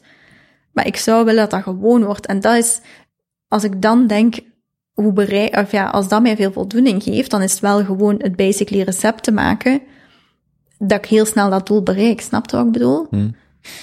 Maar ik voel mij gelijk, dat gaat precies gewoon niet. Snap je dat? Je hebt toch ook echt wel zo creatief-achtige eieren die gelegd moeten worden. Gedachten die gekanaliseerd moeten worden op een of andere manier. Ja, Dat heb je niet helemaal zelf in de hand, toch? Ik vind dat een beetje gelijk vechten. Allee, het is nu Mhm. heel gewaagd wat ik ga zeggen. Ik ga er sowieso weer spijt van hebben waarschijnlijk. Maar is dat niet een beetje gelijk vechten tegen je seksualiteit? Ik bedoel, als homo bent, zit je homo. Je mag dan toch nog proberen om mm, hetero relaties aan te gaan. Het gaat toch niet werken, denk ik. ja, daar heb ik specifiek geen ervaring mee, maar ik kan me wel voorstellen als je zegt van ja, je vecht tegen iets wat er is. Eh, ja. Maar ik ben nog steeds aan het denken van, is het dan bijvoorbeeld dat, ja, wat, wat zijn dan de factoren die zo verlammend werken of zo, of die, waarvoor dat je misschien voelt van, Peer pressure. ja, ik kan het niet doen, of ik wil het wel, maar het lukt niet, of Nee, zo. ik denk het meest, ik word het meest verlamd door, door FOMO, echt. Door echte, ehm, en ik heb echt nul last van FOMO als er feestjes of wat dan ook aankomt, hè, maar de fear of missing out in de zin van, gelijk nu met al die online courses, moet ik dat niet ook doen? Want, allee, dat is een struggle die ik, die, die ik al openbaar heb gestreden, allee, of, of die ik al openbaar heb gedeeld, dus ik vind het niet erg om het hier nog een keer te zeggen, maar het is niet, Um, voor alle duidelijkheid, we hebben geen financiële problemen, zeker niet. Maar um, ja, boeken schrijven is nu niet per se big business in Vlaanderen. Mhm. En als je een cursus voor 100 euro kunt verkopen die Precies. 3 euro kost om te... Allee, Precies. En want Ja. ik, mijn boeken kost 22,5 euro. Mhm. Ik hou daar zelf een bepaalde royalty aan over, maar dat gaat echt over niet zo heel veel geld. 10 euro heb ik gehoord. Um, dat weet ik nu echt niet zelf. Dat is ook echt niet zo. dat is totaal geen 10 euro. Are you crazy? Nee, dat is echt veel minder. Ik ga het nu zelfs niet... Maar het is echt veel minder. Ja, ik ga het zelfs niet brengen in mijn hoofd. Dan ik nog het percentage in mijn hoofd. Maar ja, ik ben daar dus Mm. Nee, echt maar er zijn wel, er zijn wel dingen, er zijn wel dingen die zo easy money tussen aanhalingstekens Maar zijn. moet ik of dat die- dan doen? Moet ik dat dan doen, kopen? Dat is de vraag. Ik vind, ja, de, nee, de vraag ja. is, eh, wat doet je in de kern? Wat doe ik in de kern? Ik snap de vraag niet. Wel, als ik dat slurp, dat is de eerste keer dat je slurpt. Ik, ik hou mij super hard in. Ik slurp, slurp Doe eens gelijk je zou doen. Nee, maar het is niet meer zo warm. Maar thee, ik Maar doe eens gelijk je zou superhard Met... ik kan graag ook lachen. Zo denk ik. ik hou me echt super hard in, ja. Bijvoorbeeld, ik merk zo met sinds eh, midden maart, wat ik het hardste mis, is mensen verbinden, samenzetten, dineetjes doen, mensen samenbrengen. En dus in mijn hoofd zit zo een podcast bijvoorbeeld en andere dingen dat ik doe, dat kan groeien en dat kan goed zijn en je kunt daar geld mee verdienen als je wilt. Maar in de kern, wat ik het liefste doe, is mensen samenbrengen of ruimte creëren voor mensen. Intiem of zelfs binnen een podcast waar je zegt, ja, we gaan praten. Maar het gaat er niet om, maar dat is voor mij heel duidelijk, dat is wat ik in de kern doe. En, en bij u, in de kern is niet, denk ik, die, die online courses, die kunnen daar een verlengde van zijn, maar dat lijkt mij niet in de kern waarom je doet wat je doet, of waarom je op die zondag die Facebookpagina gestart bent. Dat is niet, ja, misschien is dat, ik weet niet wat uw kern is, um, die, die, die evolutie die je zelf als persoon hebt, die zoektocht die je aan het documenteren Hmm. bent, maar dat documenteert je aan de hand van de recepten die groeien, van jij die groeit, van uh, de boeken dat je schrijft, maar dat is niet per se de, de kennis die je aan het vermarkten bent, is daar één deel, deeltje van. Kunnen online courses zijn, maar dat is niet per se uw zoektocht of dat is niet per se uw ding. Dus je kunt dat doen, maar ik denk niet dat dat ooit gaat voelen als dit is nu wie ik wil zijn of dit is nu waar ik gelukkig van word. Dus de vraag is, ja, wat, ik weet niet wat voor u dan de kern is van wie je bent, maar die courses, dat zou je kunnen doen, maar volgens mij gaat dat voor u nooit zo goed voelen of zo, of nooit? Ik weet het niet. Ik, heb, ik, ik hou wel enorm, enorm, want het geven van lezingen doe ik bijvoorbeeld wel heel graag. Um, ook al komt daar redelijk veel bij kijken, maar um, ik hou wel van het lesgeven. Ja, ik was zeer graag leerkracht. Mm. Um, en uh, het idee dat je dus iets kunt bijbrengen aan mensen en die kunt ook zien evolueren. Dus ik bedoel wel eerder op wat langere termijn. Een lezing is heel kort, hè. Ja, die mm. mensen, je kent de mensen ook niet, maar, maar een klas van, ja, een klas van 15 à 20 leerlingen die je, die je twee jaar, in mijn geval was dat vaak, na elkaar hebt. Die evolutie vind ik ook wel echt super voldoening. Maar misschien is dat dan iets, maar wat je nu zegt bijvoorbeeld, misschien is één online course waarin je een aantal recepten of wat dan ook deelt, nieuw ding, maar je zegt gewoon, ik start morgen een traject van een jaar, twee, eh, twee jaar, drie jaar. En iedereen dat zich inschrijft, ik wil u zien groeien, want daar word ik gelukkig van. Ja, en dan hebben we dus de, ehm, het imposter syndroom dat er naar boven komt. Maar wat heb je nog meer nodig? Nee, ik, ik, ehm, ik durf ook gewoon geen geld vragen aan mensen. Dat is ook basically de bottom line. Ehm, Dat is echt waar. Dat is gewoon echt waar. Like nu, mensen komen naar mijn lezing en ze gaan 7 euro betalen ehm, aan de bibliotheek van Peer op 27 oktober. En ik heb al zoiets van, oh my god, ik, ik vind dat al zo'n druk. Ik wil die mensen echt niet teleurstellen, want die betalen. En ik had dat met mijn workshops ook trouwens. Mensen kwamen bij mij workshops doen. Nu, iedereen is altijd tevreden naar buiten gegaan, maar ik plooide mij wel echt ook dubbel. Om, ehm, ja, ik legde de lat heel hoog. En ik, ik heb daar gewoon zelf, ehm, misschien ga ik er ooit aan beginnen, misschien nooit. Ik weet dat niet, misschien ga ik daar vrede mee hebben, misschien niet. Ik weet het echt, echt, echt nog niet op dit moment. Ehm, dus ideeën genoeg in mijn hoofd. Het is echt geen gebrek aan ideeën van pistes die ik zou kunnen verkennen. Eh, zeker niet, maar ik, ik, heb, ik zit gewoon ook met een aantal onzekerheden. Dat is gewoon echt wel zo. Ehm, en ik zie rondom mij mensen die die niet hebben en die dan wel knallen. En dat voelt een beetje, Of zo lijkt dat. ja, zo lijkt dat precies, ja. Oké, 50 euro per maand, 24 maanden, één keer Caroline wilt u zien groeien. Zoiets? Toch niks mis mee? Ik zal het meenemen. ik zal het in mijn ideeënschrift schrijven. Ik moet heel even, want dan heb ik nog, ik wil daarop verder ingaan, maar ik moet even naar het toilet. Ik zit aan de limiet van mijn blaas. Oké. Oké. Ah, zo, je eet dus wel brood. Ja, ik eet zeker brood. Er is eigenlijk niks dat ik, eh, dat ik niet eet. Nee. Ja. En ik zou, ja, het is een, eh, het is wel echt een, een zoektocht. Dus ik wil mensen wel vooral, ehm, mensen hebben de neiging om eh, bij, als ze iemand een beetje zien als een voorbeeldfiguur of een inspiratie of wat dan ook, Ja, mijn beeld van u is helemaal... ja, aan diggelen. Ja. Al sinds 2016 denk ik, yes, ik ben niet de enige die geen brood eet. Maar ik Zit eet gewoon super graag Zit brood. jij hier dus boterhammen ja. te vreten? Dat is echt onzin om eh, geen brood te eten. Ja. Terwijl ik ehm mijn handen waste, dacht ik, ehm ik was nog heel even aan het denken over zo dat idee van mensen te helpen. Zo een betaalde community misschien. Dat mensen zo 10 euro per maand betalen. En gewoon wat, ja, want ik was aan het denken over wat je zei van, ik krijg veel positieve berichtjes. Dat, of ik krijg positieve berichtjes, dat vind ik heel leuk. Negatieve berichtjes vind ik helemaal niet zo leuk. Ehm en mensen, wanneer ik iets publiceer of zo, zijn mensen daar direct mee aan de slag. Of gaan ze daarmee aan de slag. Dan dacht ik, ja, als je die dingen nu samenpakt en je hebt een betalende community, 5 euro per maand, 10 euro per maand, dus jij voelt je niet slecht dat je te veel geld vraagt, waar mensen gewoon direct kunnen communiceren, waar je eigenlijk dat op Instagram min of meer doet, maar zonder de negativiteit, want ja, je moet nogal een loser zijn om voor iets te betalen en dan te klagen dat het niet goed is. Allee, met enkel de mensen die het echt van dichtbij willen, dus je hebt al die positiviteit, en je helpt mensen effectief. Ja, het is nog een beetje een zoektocht. Nu, ik ben van allerlei pistes aan het denken. Zo, en ben ook wel erover aan het praten met, eh, met onder andere Pieter Jan. Maar ook met mensen die er iets meer vanaf weten. Ehm, en de volgende stap is wel echt om mij, eh, om mij professioneel te laten begeleiden door een coach of zo. Ehm, om, om dat echt een keer goed onder de, onder de loep te nemen. Ehm, zodat als ik dingen niet doe, dat ik, ehm, dat ik vooral ook geen spijt krijg achteraf. Snapte? Dat het echt is omdat ik ze niet wil doen, dat ik ze gewoon ook niet doe. En niet, ehm, dus, maar naast het, naast ehm, het nog niet helemaal weten wat ik wil, of nog niet helemaal weten wat mij het meest gelukkig maakt, zit ik dus ook met een aantal dingen die mij heel onzeker maken. En techniek is daar één van. Dus ik ben iemand die heel geïntimideerd is door alles wat een beetje technisch is of technologisch is.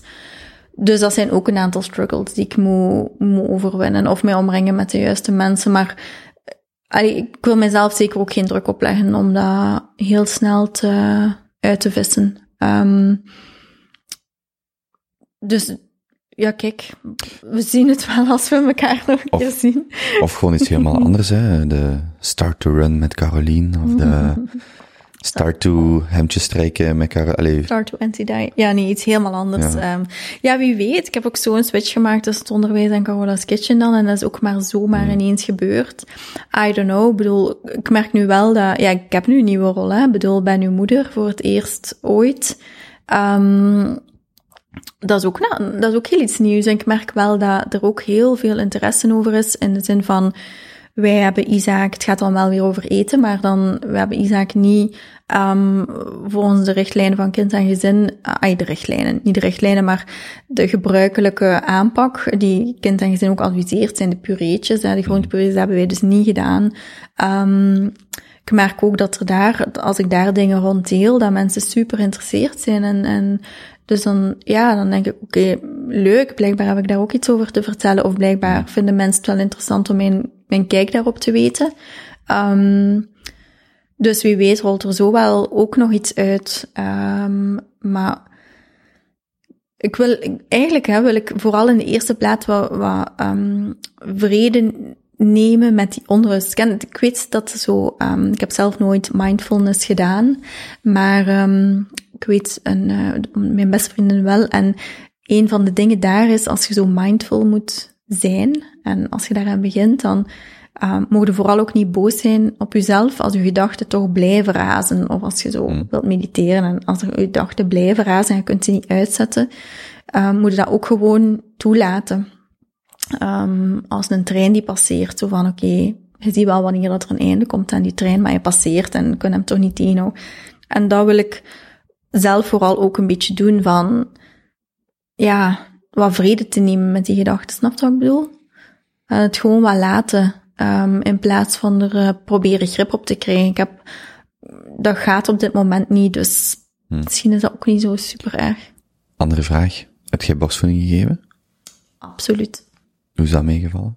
De hel. nee, het was heel moeilijk. Was heel moeilijk. Het was zeker niet de hel voor alle duidelijkheid. Ja, ja we zijn echt door een hel gegaan, wel. Maar um, het uh, verliep niet, uh, het verliep niet zoals je zou denken dat de natuur helemaal in elkaar zit. Dus ik had veel te weinig melkproductie. Als in veel te weinig in het begin. Um, dus Isaac was, uh, babytjes vallen altijd af na de geboorte. Uh, maar er is een limiet van 10% van hun lichaamsgewicht dat ze maar mogen verliezen.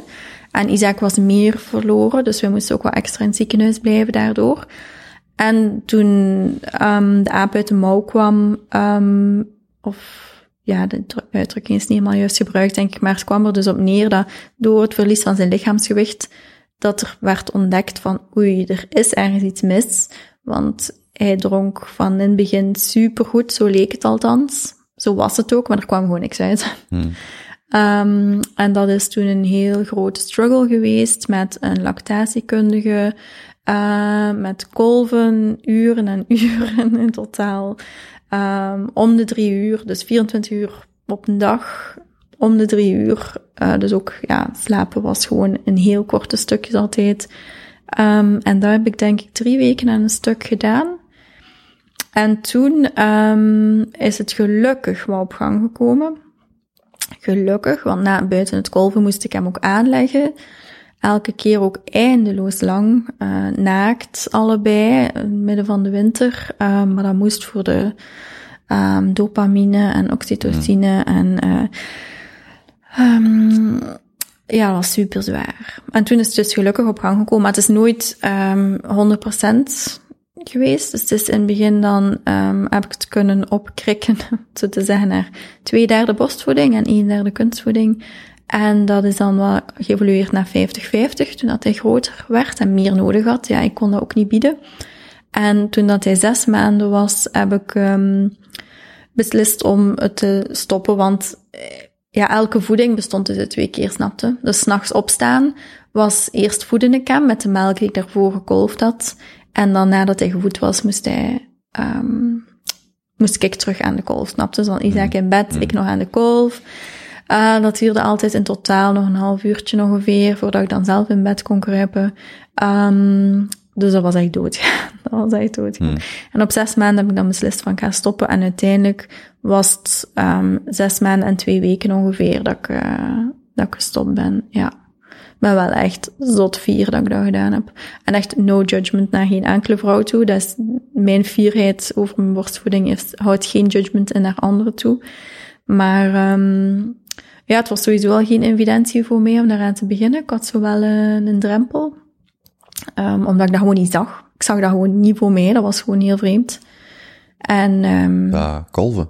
Nee, een borstvoeding geven aan zich. Terwijl ik wetenschappelijk uiteraard ja, weet hoe ongelooflijk waardevol dat dat is. Um, maar ja, ik had dat, die drang zo precies niet.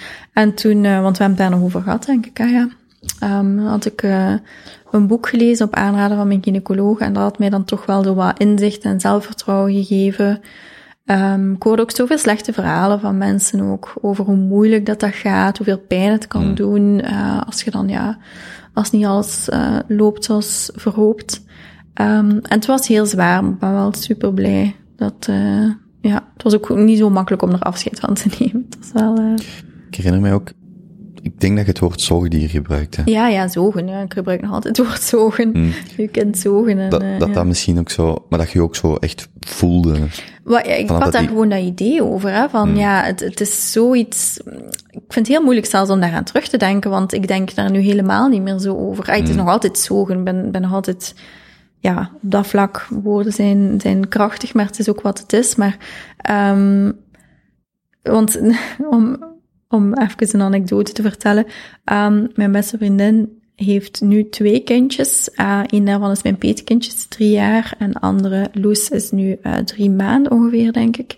Um, kleine drie maanden. En zij, bij haar eerste, bij Bas, die dus mijn peetkind is, dus drie jaar geleden, um, ik kon dat zelfs niet zien. Dat is verschrikkelijk. Ik ga nu waarschijnlijk niet... Ja, stuur mij alsjeblieft geen negatieve berichten. Dus gewoon, ik ben gewoon even eerlijk. Maar wat kon je... je kon ik die kon die borstvoeding niet zien. Ah, die borstvoeding, ja. Ik zei ook tegen Isa van... Um, nee, ik wil daar niet naar kijken. Uh, ja, ik, ik vond dat... En nu, nu was ze Loes aan het, haar tweede kindje aan het voeden. Die dus veel jonger is dan Isa. Dus ik, ik zit mijn borst... Ik zeg, mag ik eens komen kijken? En ik wou dus echt heel graag van heel dicht komen kijken hoe dat Loes uh, aan Mm. haar borst aan het zuigen was. En...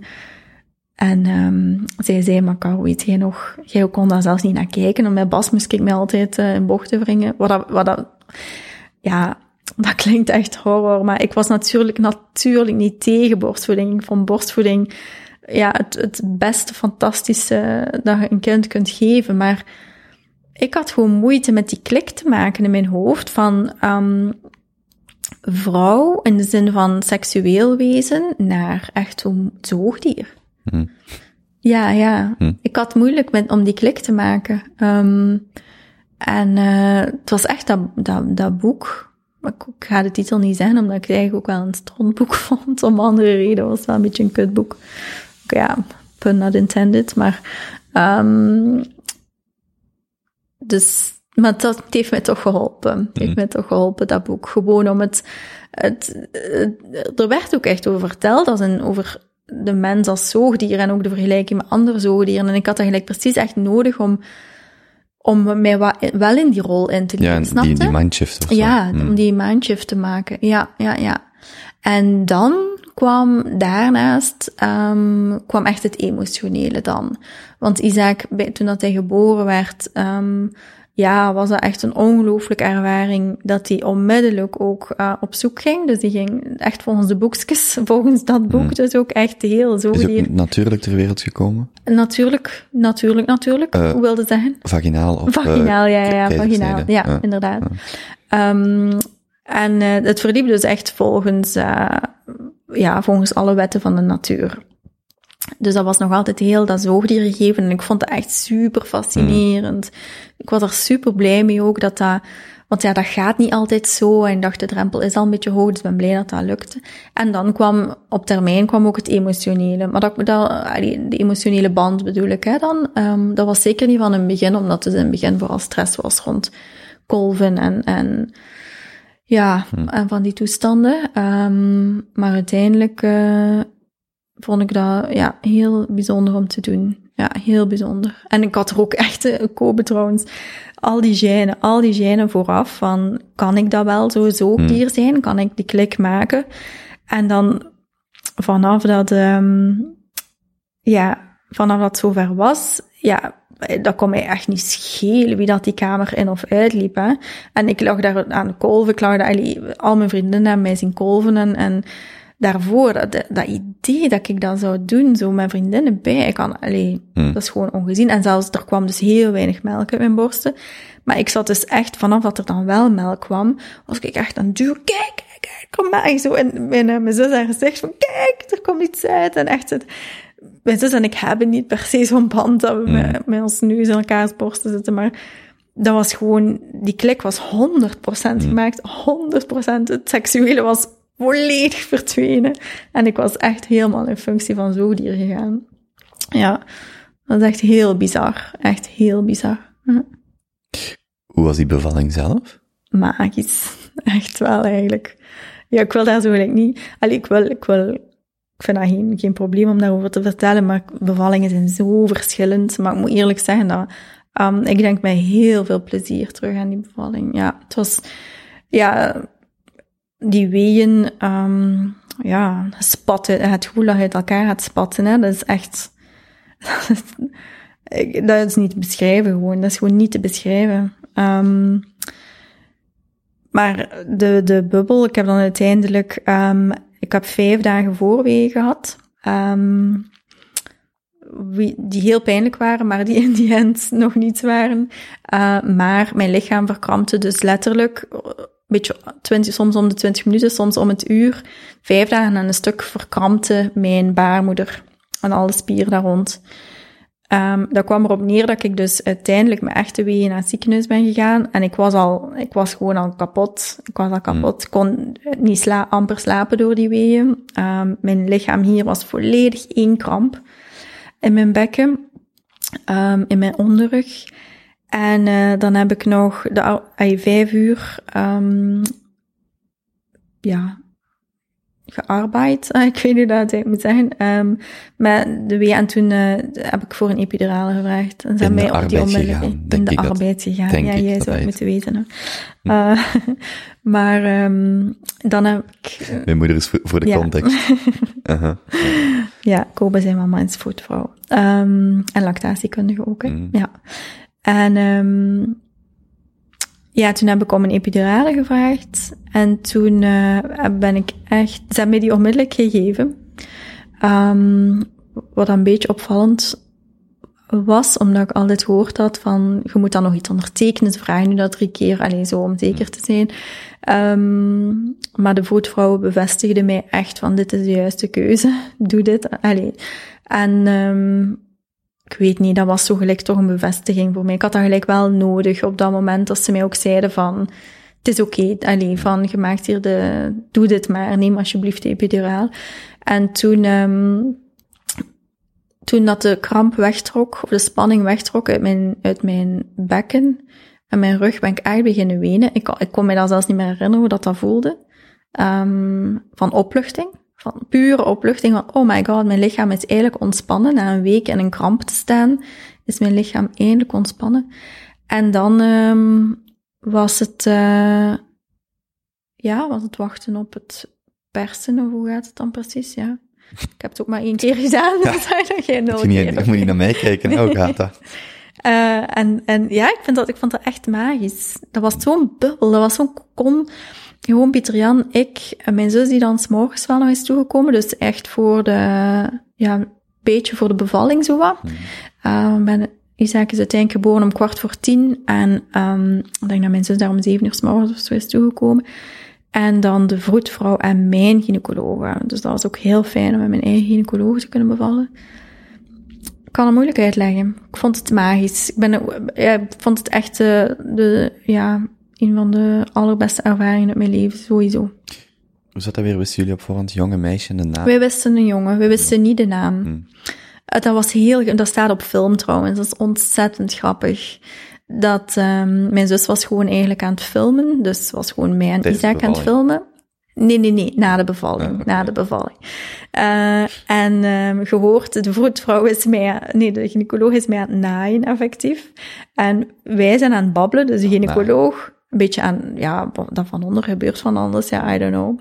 Um, ben er super vlot doorgekomen eigenlijk, maar ze was nog van alles aan het doen. Ik weet, ik weet het niet, Kobe, dat was ook zo'n roes. Jij lag daar gewoon. Ik lag daar gewoon. Ik lag daar gewoon. Ik kon wel nog veel voelen, vooral duidelijkheid. Het was zo blijkbaar een vrij nieuwe epidurale, waarbij dat, ik kon ook echt mijn benen en mijn tenen nog bewegen en zo. Dus dat is blijkbaar niet zo normaal. Alleen niet zo bij de ja, niet elke epiduraal is blijkbaar zo, I don't know. Maar um, gehoord dus op dat filmpje um, het gesprek over de naam. Dus we waren aan het twijfelen tussen Kast of Isaac en we gingen zien op het moment zelf um, of het een kastje was of een Isaacje. Maar ja, hell no, je ziet dat, we zagen dat helemaal niet. Wat. Ik dacht echt van, we gaan dat voelen. We Hmm. gaan dat echt voelen als die baby op mij ligt en we zijn samen en dan gaan we Als hij naar ons kijkt, dan lig je daar uren met zijn ogen dicht. Nee, kijk, hij keek op. Ah, ik zweer het u. Ik zweer. Die staarde in mijn ogen tien minuten aan een stuk. Dat is echt zot, zot, zot. Dat staat ook op film trouwens. Ehm, echt zot, die baby. was- Maar hij was een heel alerte baby. Heel alert. De grootouders, ehm, ja, die toch acht kleinkinderen hebben, die toch een beetje weten, ah, wel al een baby of twee, drie zien passeren, of acht zien passeren, en vier kinderen trouwens die konden daar ook echt niet van over, van wat een alert, eh, ja, kijken. Heel ja, die zal niet zoveel zien natuurlijk, maar wel echt grote open ogen de hele tijd. En eh, we voelden dus helemaal niet of het een Isaac of een Kas was, helemaal niet. En het was uiteindelijk Pieter Jan, die sowieso altijd een lichte voorkeur... Nee, ja, Pieter Jan had een lichte voorkeur voor Isaac. Eh, ik eigenlijk voor Kas. Ehm, en toen hebben we de vroedvrouw en de gynaecoloog, die zeiden van alle twee onafhankelijk van, ja, wij hebben een heel duidelijk, allee, van, we hebben een heel duidelijke voorkeur, ze hadden dat niet overlegd of zo, maar, en uiteindelijk zei ik, oké, zeg het maar. Zeg maar wat dat de voorkeur is van jullie. En zij hadden alle twee Isaac en ik zei van, kijk, voilà. Het is goed dan. Als ik dan toch blijf twijfelen, ehm, en jullie zijn alle drie overtuigd, dus, eh, dan is het een Isaac geworden. Olaert, hè. Isaac Olaert. Ah ja, hoe, hoe zat dat weer? Ehm, ja, dus hij heeft mijn naam. Ja. Dus ter ere, ter nagedachtenis van zijn grootouders die er niet meer zijn. Ja. Ja, want dus je kunt ook vandaag enkel de naam van de moeder Ja. nemen. Dat, dat is over laatst ter sprake gekomen en ik wist dat je de dubbele officieel mocht, maar ik wist niet of je nu ook enkel de naam Ja, van de moeder... absoluut. Ja. Ja, oké. Ehm, dus het is Isaac Olaert. Mhm. Het enige is, ehm, als je dan een tweede kindje maakt, die moet dezelfde naam hebben. Stel dat wij nu toch nog een biologisch kind zouden hebben, dan moet, die ook, eh, moet dat ook een Olaertje zijn. Ja. Snapte? Dus je kunt niet switchen. eh, je kunt niet zeggen één kind Olaerts en in ons geval dan één kind de smet. Dat, eh, dat gaat niet. Direct eh, erin. Hoe voelt dat voor u? Moeder zijn zonder ouders? Ik dacht dat er geen zware podcast was. Ehm, ja, dat is, dat is eh, met momenten wel echt moeilijk, ja. Ehm, maar het is zeker geen alles overheersende schaduw of zo. Dat wel echt niet. Dat echt niet. Maar eh, het overvalt, het overspoelt u soms, hè. Denk, eh, hoe noemt? Siel Verhanneman? Eh, Mhm. Ja, hè? Verhanne. Ver- ja, ja. Ik weet, wie- ik weet wie ik ja, je bedoel. weet, ja, die, dat blondje zo, die dichteres, schrijfster. Kortrijk. Oh, Ja, zwart. Ja, West-Vlaams. Ja, Sylvie Hanneman, die, ehm, ik denk dat ze zo noemt, excuus, echt super, super sorry als de naam niet juist is, maar ehm zij, ik volg haar wel op Instagram en ehm daardoor lees ik af en toe de stukjes van haar. En zij heeft ook twee mensen verloren, geloof ik. Ehm en zij schreef zo gewoon een keer een heel krachtig kort zinnetje van het overspoelt mij soms. En dat is gewoon echt zo, het overspoelt mij ook echt soms. ehm ja, het uh, denken aan wat voor grootouders dat zij zouden zijn, de vragen die ik wil stellen aan mijn mama, zeker in het begin was dat echt wel heel fel. Um, ineens besefte dat je niets weet.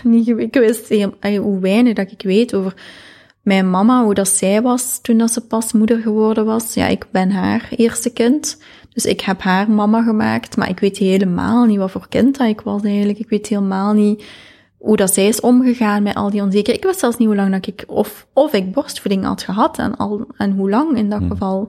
Ik ben echt moeten een beetje, ik heb dat een beetje gereconstrueerd op basis van mijn albums. Want de vroedvrouw dat op een bepaald moment. Um, ja, en blij, de, vroedvrouw was trouwens ook van mening, ja, ik heb dat niet nader bekeken, maar het feit dat mijn mama er niet meer was, dat dat ook wel echt een reden kon zijn dat dus dat ik toch met een, ehm, ja, een domper zat op de feestvreugde, laat het me zeggen, waardoor dat mijn melkproductie dus heel Ja, moeizaam ging. Of, ja Hmm. Omdat dat zo heel hormonaal is en die, die, die stresshormonen, die, ja, die Hmm. dan dat ook wel wat tegenhouden. Ehm, ja, oh, ja, het is niet gemakkelijk natuurlijk. En ik moet heel eerlijk zeggen dat um, Pieter Jan zijn ouders zijn er wel nog en zijn echt heel betrokken grootouders. Ehm, en dat, ik, zowel Pieter Jan, maar ook zij hadden zo soms wel een keer zo het gevoel van, misschien maakt het extra moeilijk voor Caroline, maar het tegendeel is waar eigenlijk. Zij zijn, ay, dus, ik geniet daar echt wel enorm van om te zien hoe, ja, dat zij zo aan band aan het opbouwen zijn met Isaac nu. Um, dus, uh, dus daar ben ik wel echt dankbaar voor. Dat, dat zij er zijn, ja. Toch wel. Uh, want ik mis mijn eigen ouders heel fel, um, maar dankzij hen is die extra generatie er nog. Dat was trouwens voor mij een reden om wel een kind te maken. Um, omdat dat heel bizar was. Mijn broer, mijn zus en ik, ja, we zijn een heel hecht uh, clubje. En dan heb je daar ons partners bij. Um, maar ja, dat is één generatie. Dat voelt, dat voelt heel vreemd. Dat voelt niet zo super hard als familie, snapte? Een familie is met meerdere generaties. Mm. Je hebt er boven u, je hebt er onder u. Um, dus dat was voor mij een reden om een kind te maken, om, om een nieuwe generatie, ja, om daar toch een andere dynamiek in te steken, een beetje. Dus, um, ja. Hoe voelt hij, of gaat hij zijn grootouders voelen? Uw ouders? Ha, ik denk dat dat heel moeilijk wordt. Ik ga dat niet, uh, ja, hij draagt de naam, dus dat was de reden uh, om hem de, om de naam Olaert te geven, zodat hij op die manier aan mijn papa dus automatisch gaat hij zich waarschijnlijk vragen stellen op een bepaald moment bij die naam. Of waarom dat hij de naam heeft van zijn mama. Waarom heb ik een Limburgse achternaam? en woon ik in Gent? En waarom heb je een heel originele, unieke achternaam, althans in Gent.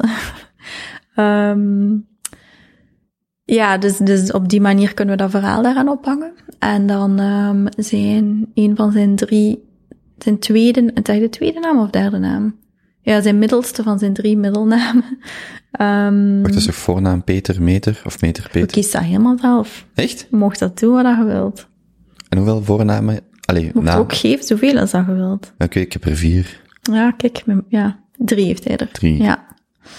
Um, ja. Maar naar de grootouders dan? Of nee, ja, ja, nee. Isaac, Lucas, August, Ziggy, Olaert. Ik wou dus met zeggen, dat is Olaert. Maar zijn er toch vier? Nee, drie middelnamen. Isaac, Lucas. Isaac is zijn voornaam, hè? Ja, Isaac. Luc, ja, ja. Ja, ja sorry. Drie Voornaam. middelnamen, ja. Oké, okay, dan heb ik ook drie middelnamen. Ja, ja, ja. Vier, vier namen voor de achternaam. Ja. ja. Um, Wacht, en is Isaac voornaam en dan de middelnamen zijn Lucas? Lucas, August en Ziggy. Ja, Ziggy is Bowie, is de star, Starman, Ziggy Stardust, of hoe heet hem? Hmm. Ja, Pieter Jan is een zeer, zeer groot. Ik ben al blij dat Ziggy de voornaam niet is geworden, laat mij zo zeggen. um, Pieter Jan is een zeer grote Bowie-fan. Um, nu, daar hangt ook ik weet wel echt die jongen een ooit iets artistiek gaat doen. Ja, Ziggy. dat is mijn naam, of zo. Ja, als dat zijn bijnaam wordt, is, is allemaal oké. Okay. Hmm. Um, nu, het gaat hem ook wel echt om het figuur, Ziggy Stardust. Uh, is Pieter Jan zijn ding vooral. En ik vond het helemaal oké okay dat hij, hij wou dat er heel graag in. Uh, August is naar mijn mama, omdat mijn mama haar tweede naam was Augusta. Um, en mijn mama haar voornaam is Evelien, maar ja, ik zag dat niet zitten. Ik wou toch echt uh, allemaal jongensnamen. En dan de tweede naam is omdat we dus heel lang twijfelden tussen uh, Isaac en Cas. Maar Isaac Cas is raar. En uh, papa, de papa van Pieter noemt Luc. Dus dan we Isaac Lucas. Want Luc is ook een beetje raar om als middelnaam. Ay, dat is niet raar, maar wij wilden, wij wilden echt een... een uh, Lucas met een K? Nee, C. We wilden een, een, een Isaac ook C. Mm -hmm. Ja. Mm -hmm. ja. Uh, Lucas is ook een heel mooie naam. Ja, ik. vind ja. ik ook wel nog een mooie naam. Mm. Ja. Dus je mocht daarmee doen wat je wilt. Het is echt, uh, ik heb Pieter Jan echt moeten inzoomen hoor. Dit, dit is echt een enorme kuiste versie van de, alle ideeën die gepasseerd zijn. Ja. ja. Ik, heb, ik heb een voornaam in mijn hoofd voor een jongen, maar ik, uh, als ik echt een goede partner heb, gaat die zeggen, nee, nee, no way dat we die zo noemen. Maar dus, uh, In mijn hoofd zit, ik kies de voornaam, jij mocht de rest kiezen, maar ik denk niet dat dat zo gaat Ik denk gaan. niet dat dat zo gaat gaan. Nee, denk ik Ja, ook eh, niet. Nee. Denk het ook Als niet. het wel zo gaat, dan is dat niet, geen goed teken. In het geval van Ziggy was trouwens wel, ja, hij draagt al de naam Olaert, dus Pieter Jan wordt er ook wel op een andere manier. ehm, en ik denk dat het ook wel, ja, de interesse op die manier probeert je wel een klein beetje niet te sturen. Dat is, ik hou daar echt niet van, van je kind te sturen op een of andere manier, maar ja, je geeft een stukje van jezelf mee zo ook. En, ehm nee, want de Meter en de Peter zijn eh, mijn zus en Pieter Jan zijn broer. Ehm, dus die hun namen zitten er niet in. Ehm, maar gelijk mijn broer, zijn, mijn broer heeft middelnamen. Ehm, ik weet zelfs niet eens van waar dat die komen. Hmm. Mijn broer noemt Quinten, Tilman, Valentijn, Matthäus, Olaars. Maar ik weet echt niet wie Tilman, Valentijn en Matthäus. Er is echt niemand in onze omgeving die Tilman, Valentijn en Matthäus Mijn noemen. derde middelnaam is ook Valentijn en dat is naar de patroonheilige. of Ja, zo, het van die dingen, hè. Ja. Ik weet dat niet. Dat, dat zijn dingen die mijn ik grootmoeder die helaas dat niet meer kan vragen. Ja, Dat is het enige wat ik weet. Maar ja, inderdaad, kijk, nee, dat moet ik kan het gewoon niet meer vragen. Hmm. Uh, maar mijn papa had nogal een ja, uitgesproken creatieve brein ook wel. Hm. Dus ik weet echt niet van waar dat ze komen.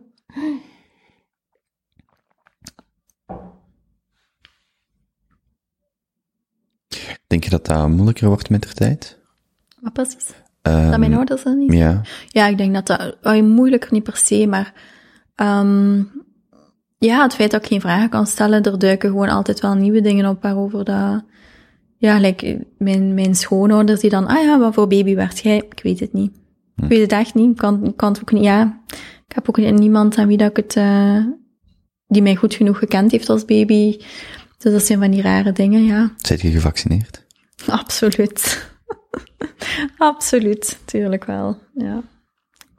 Isn't that normal? Hm. Hmm. En u, er is ook niet meer de mogelijkheid om dingen te reconstrueren, behalve uw broer en zus. Ehm, ja, mijn, mijn mama heeft... Er, er, zijn, er is nog wel familie, hoor. Mhm. Dus ik kan zeker bepaalde dingen zou ik wel kunnen vragen, maar...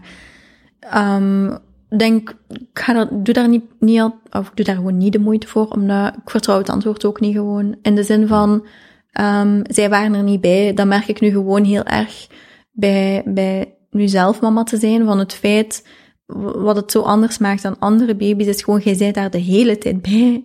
Dus jij ziet zo kleine dingen, ehm die veranderen en, en, ja, van de onthaalmoeder zou ik, en, en van mijn zus zou ik nog durven zeggen dat ze weten wat voor kind het is, maar voor de rest, eh, mensen die hem ja, nog maar een paar keer gezien hebben, gelijk nu merk ik dat hij best verlegen is als we op een nieuwe plek komen.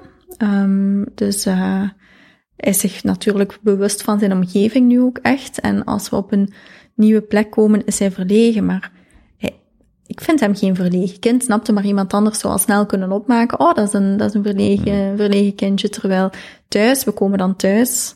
En dan is dat echt roepetieren, ja, liggen rondkruipen tot en met. Dus, um, snap je wat ik bedoel met niet vertrouwen? Het antwoord dat ik denk, ja, ik weet niet of, of dat ik daar iets aan heb. Ja, derde ja, precies. Ja, precies. Hmm. Ehm, maar ik, ik- ha, gelukkig heb ik niet eh, een heel grote behoefte om allerlei vragen te beantwoorden. Ehm, ik heb een beetje vrede wel, of probeer er vrede mee te nemen dat ik het antwoord op sommige vragen gewoon nooit zal weten. Ehm, Houd jij zelf dingen bij? Voor later, voor hem misschien? ha, ja, Of voor uzelf? Ja, maar wel nog. Allee, ik was begonnen in een schriftje met zo wat dingen op te schrijven. Maar dat is nu ook al een paar maanden geleden. Moet ik dringend nog een keer werk van maken. Hmm. Ehm, maar we hebben ehm, een album ben ik nog niet aan begonnen. Dat is ook zo typisch, hè. In deze tijd, in deze digitale tijd, foto's afdrukken. Pff. Je moet er een ding van maken. Ja, ik heb hier ook fotoalbums staan. nee, ik weet het. Ik moet er een Afprinten, ding van maken. einde van het jaar. Ja, selecteren, dat is het moeilijkste. Afprinten is niets, maar Nee, selecteren. selecteren, daar kun je lang mee Ja, hè? je trekt zoveel foto's. Maar, ehm, maar, maar, we hebben eh, echt een, oh, een onthaalmoeder die goud waard is, maar echt goud. En die heeft dus een heen- en weer schriftje. Je kent het fenomeen wel, hè? Dus dat gaat dan... Ik heb geen idee van heen en Ah, weer oké, sorry. Ja.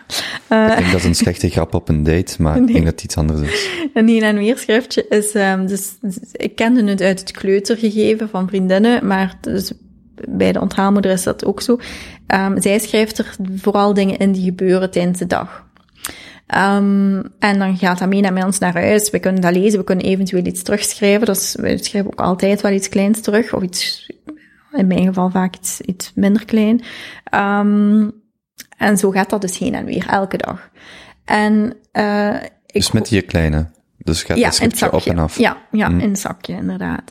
Eh, ja, ik hoor van veel vriendinnen, ehm, of als ze het schrift zien, hoe onder de indruk dan veel mensen zijn van, is dit het heen en weer schriftje? Omdat blijkbaar wordt daar heel vaak bij anderen, ik weet niet wie het was, ik weet echt niet wie, maar iemand in onze omgeving, met dus ook een relatief kleine baby, had laatst dat gezien en zei, amai, bij ons staat er gewoon gekakt om zo laat, eh gegeten om zo laat, eh, geslapen van zo tot zo, einde verhaal. Maar bij ons is dat dus een heel, een heel verhaal, ja, het is echt onvoorstelbaar, onvoorstelbaar. Maar gedetailleerd of Maar poëtisch? gedetailleerd en poëtisch, alles. En ook elke keer anders, maar soms, ja, Om dertien na twee glimlachte hij, terwijl hij een scheetje liet. Want het is hier iets meer kleutertaal, maar het is, het is echt wel, ze maakt er zo haar werk Mm. van. En inderdaad, met mopjes erin en met stickertjes en met, en ik had dus ook, ik had een klein plukje van zijn haar geknipt, omdat er één spriet mij heel erg irriteerde. En ik had die er ook ingeplakt, echt van zijn eerste, ik wilde dat gelijk ook zo, mijn mama had dat ook gedaan, weliswaar in onze albums, maar wij gebruiken een album.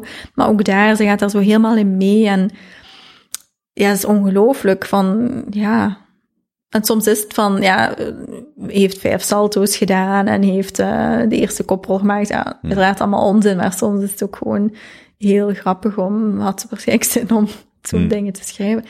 Ja, dat ding is goud waard, het is onvoorstelbaar. Hij Dus stond daar- net op en stak een speech af over hoe het Ja, hier vond. Zo van die dingen. Hmm. Ehm, maar daar kan ik dus tot datum op datum echt volgen ook. eh, Dat mag ook bijhouden. ja, gaat na 2,5 jaar, als hij daarbij gaat, eh, Ah, Oké, dus dat is echt komt dat mee. Allee, of Elke dag. Ja, ja, dat dat hij naar daar zeven? gaat. Nee, nee, nee, sorry. Ehm, hij gaat vier dagen in de week. Hij gaat Ja. één dag in de week naar mijn zus en dan vier dagen in de week naar eh Leen, heet ze. Ja. Mhm. Ehm, ja, maar daar, dat is dus wel echt een eh, naslagwerk, ja. Hmm. Maar fotoalbum staat op de to-do-lijst. Ja, absoluut. Mijn moeder schreef vroeger zo, ook bij elke foto zo een datum of een kleine notitie. Mhm. Ik ben dat nu ook beginnen doen, dat is superleuk. Ja, ja, mijn mama over, ook. Over de jaren vergeet je dat. Ja, ik zo- heb keiveel albums. Mijn mama maakte er echt zo'n verhaaltje van. En het is daaruit dus dat ik kon afleiden dat ik maar twee weken borstvoeding gehad heb. Hmm. Ehm, allee, daar ga ik dus vanuit. Eh Het is een beetje reconstructie, maar uit die albums, en ze schreef daar echt zo wel bij, Ehm, ook. Ja, ik, ik vind dat ook superleuk hoor. Ehm, het is gewoon een kwestie van selecteren. Ik denk dat dat, gewoon, vroeger, ja, je trok foto's en dat kwam eruit en het was wat het was, hè. Of viel, er viel niks selecteren aan, hè. Nee, en dat had ook wel iets. Dat had ook iets, ja, absoluut. Ehm, hoe, hoe is de balans tussen wat je van Isaac deelt, of van je privéleven deelt? Hoe, Hmm. hoe kijk je daar nu na een jaar? Of ik, ik- wanneer is hij trouwens geboren? 27 december 2019, Dus Na ja. een klein jaar, hoe kijk je daarop terug? Is Ehm, dat trouwens ook niet de dag van de verwende nee, de dag van de onschuldige kinderen is 28 december, dan is mijn broer geboren. Maar er is ook iets op 27, want mijn ex is jarig op 27 en dat was een Nee, bepaalde dag. ik niet. Ik hoef het niet te weten kopen. Als het zo ook zo'n mottige... eh, want die onschuldige kinderen, mensen... Nee, op, mijn broer verjaart op 28 december. Maar was dat, dat is de dag, van de onschuldige kinderen? Dat is dat er Dat is superveel 6 kinderen zijn. december. Nee, nee, dat is Sinterklaas. Ja, dat is toch voor onschuldige Nee, kinderen? Nee, ze noemen dat de dag van de onnozele kinderen, 28 december, maar eigenlijk is dat onschuldig. En dat is, ik weet het ook niet precies, ik weet het echt ook niet precies, maar eigenlijk is dat een super, super triestig verhaal, omdat dan superveel kinderen vermoord zijn of zo. Hmm. En mensen lachen daar altijd mee met mensen die op 28 december geboren worden, wat echt mega niet oké is. Hmm. Als je het echte verhaal weet erachter, Ja, achter die naam. ja. Ehm, dus daarom bedoel ik, eh, Maar er is dus niks op 27 december. geen idee. Niet dat ik weet. Maar als het droevig is, wilt je het niet weten. Nee, dan hoef ik het niet te weten. dan hoef ik het echt niet te weten. Ehm, maar de balans, ik denk dat die wel goed zit eigenlijk. Ehm, dus ik deel eh, vooral eetacht. Ja, ik deel wel dingetjes van Isaac op Instagram, maar ehm, ik denk echt dat dat niet overdreven is. Zeker niet. eh, ik krijg ook alleen maar positieve reacties. Dat is niet waar. Ik krijg heel veel positieve reacties op Isaac, hè, eh, schattige baby en zo. En dat zo leuk is om zijn eten, want ja, die eetavonturen delen vind ik dan ook wel tof. Maar ik heb één keer ehm, iemand gehad die mij stuurde, eh, of die mij de suggestie stuurde. Het was, het was wel beleefd geformuleerd. Dat is nog het absurdste van al. Eh, het was heel beleefd geformuleerd, maar ze deed dus de suggestie dat ik misschien een andere Instagram-pagina kon beginnen om mijn babystuff op te delen. Ehm, ja, toen ben ik heel boos geworden. Heel boos. Dat, ja, vond ik echt, echt grensoverschrijdend eigenlijk. Ehm, maar afgezien, dat heb ik dus ook uitgelegd. ehm, zeer duidelijk uitgelegd. Van, Uitgelegd. Jij antwoordt daar dan op. Ja, Allee, jong. maar ik antwoord ook al lang niet meer op alles hoor. Maar voor wat? Voor... Ja, Allee, ik bedoel, je moet het niet verantwoorden, maar dat is zo... ja, dat vraagt energie, hè, inderdaad. Maar Tuurlijk, en je zit daarmee in Anders hoofd. zit ik daar, maar anders zit ik er toch ook mee in mijn hoofd. Met de antwoord dat ik dan wil zeggen. Met die- Pas op, als mensen mij bele- die was ook, als mensen mij, die, die grens heb ik wel voor mezelf gesteld. Als mensen mij ehm, beledigen, dan is het, ehm, die heb ik nog maar net gesteld trouwens, antwoord ik niet. Dus is het gewoon weg ermee, verwijderen en blokkeren. Hm. Ehm, maar dat gebeurt, ja, dat heb ik nog maar net ingevoerd en dat gebeurt gelukkig ook niet zo heel veel. Ehm, dus er is maar één persoon die daar al eh, het uh, ja, onderwerp zelfs al is dat vriendelijk verwoord. Caroline, ik vind het leuk hoe jij je boterhammen opeet, maar vier jaar geleden zei je dat je geen brood had. Zelfs dat is al passief-agressief genoeg van, gast, laat me met rust. Toch? Ja, ik probeer nog dan Ik vind, veel ik vind Isaac echt heel schattig, maar ik ben hier voor de recepten. Ja, dan zou ik echt heel, ja, dan zou ik echt antwoorden, ja. Ja. Allee, jong. Ja. Ja, maar ja, Jacob, dat is sociale media, hè. sociaal, hè. Maar weet het, mijn, dus ik weet niet of ik dat al gezegd heb, maar ik probeer mijn eigen daar wel in te beschermen. En vooral ook mensen sturen ook heel leuke berichten, snap je? Ik zou, inderdaad, ik zou gewoon eigenlijk al mijn energie eh, in die leuke berichten moeten steken. En dan degene die ik. Dat is niet leuk ding, vind. Voor, voor de honderden leuke zijn we weer over dat één. Ja, en weer, precies. bedoel, Kijk, die krijgt dan weer de ja. aandacht, ja. inderdaad. En zo, dat, dat is Ik weet echt... dat het met ja. Loredana Falloni ook daarover ging. Die had dan een foto gepost van dat ze aan het borstvoeden was. En dan, is, dan wordt dat natuurlijk wat meer opgepikt. En dan zo, zo van, ik ben niet voor of tegen borstvoeding. Ik wil gewoon een foto delen van mij en mijn dochtertje. En that's it. Mhm. Ja, En je zit gewoon zoveel meer bezig over die paar negatieve Mhm. dingen, die zoveel, ja, ik vind dat zo, dat is gewoon vermoeiend. En dat is ook niet eerlijk naar die, ik weet dat mij dat heel hard opviel als Danira Boekreis vandaag begon. En dus dat programma was gepresenteerd. En dan had hij zo twee dagen daarvoor of zo, in een groot interview, zei hij, ehm, ze gaan mij niet klein krijgen of, of ik ga het niet aan mijn hart laten komen. En dan dacht ik, voor die duizenden, tienduizenden mensen die zeggen, ja, succes, geef je een groot interview. En Mhm. ik zeg niet dat dat precies hoe dat het gezegd heeft, want zo, dat zijn aan de kanten te koppen. En dan denk ik, maar nu geef je net die tien onnozelaars het platform wat ze willen, en die tienduizenden die voor u staan van, maak er iets van. Dan denk ik, waarom ga ik u nog iets vriendelijks sturen? Want die pummels, die krijgen de aandacht, en ik die u een mailtje stuur van, eh, succes. Snap je? En dat is zo, ik vind dat zelf ook soms frustrerend, dat dan zo altijd over die negatieve, want dat maakt zo precies zo, dat je geen moeite meer moet doen om iets positiefs te sturen, want het gaat toch altijd over dat, dat maar dat is ook gewoon hoe dat, je, hoe dat mijn brein ook gewoon Ja, werkt, maar dat is zo. dat is, allee, dat is, dat is misschien wel waar, maar het is niet waar in de zin van, allee, ik heb het hier ook al gezegd, dat die positieve berichten, die doen mij doen wat ik doe. Ehm, doen mij doen wat ik doe, ja. Ehm, dus ik hecht wel heel veel belang aan die positieve, en probeer ze allemaal te beantwoorden, maar het is gewoon heel moeilijk, en vooral omdat, Maar ze zijn disproportioneel, die negatieve. Nee, maar het gaat mij niet alleen om de negatieve. Bij mij is het ook zo dat mensen ehm, ook heel veel, eh, mensen hebben heel veel vragen over voeding. En mensen hebben heel veel problemen met voeding. En ik krijg ook heel veel berichten in de trend van, ik ga er nu gewoon één uitpikken, omdat het nu het meest recent is dat ik gelezen heb, maar mijn man heeft al 13 jaar huidkanker en, en doet nu dit en dat, en heb jij nog suggesties? Ja,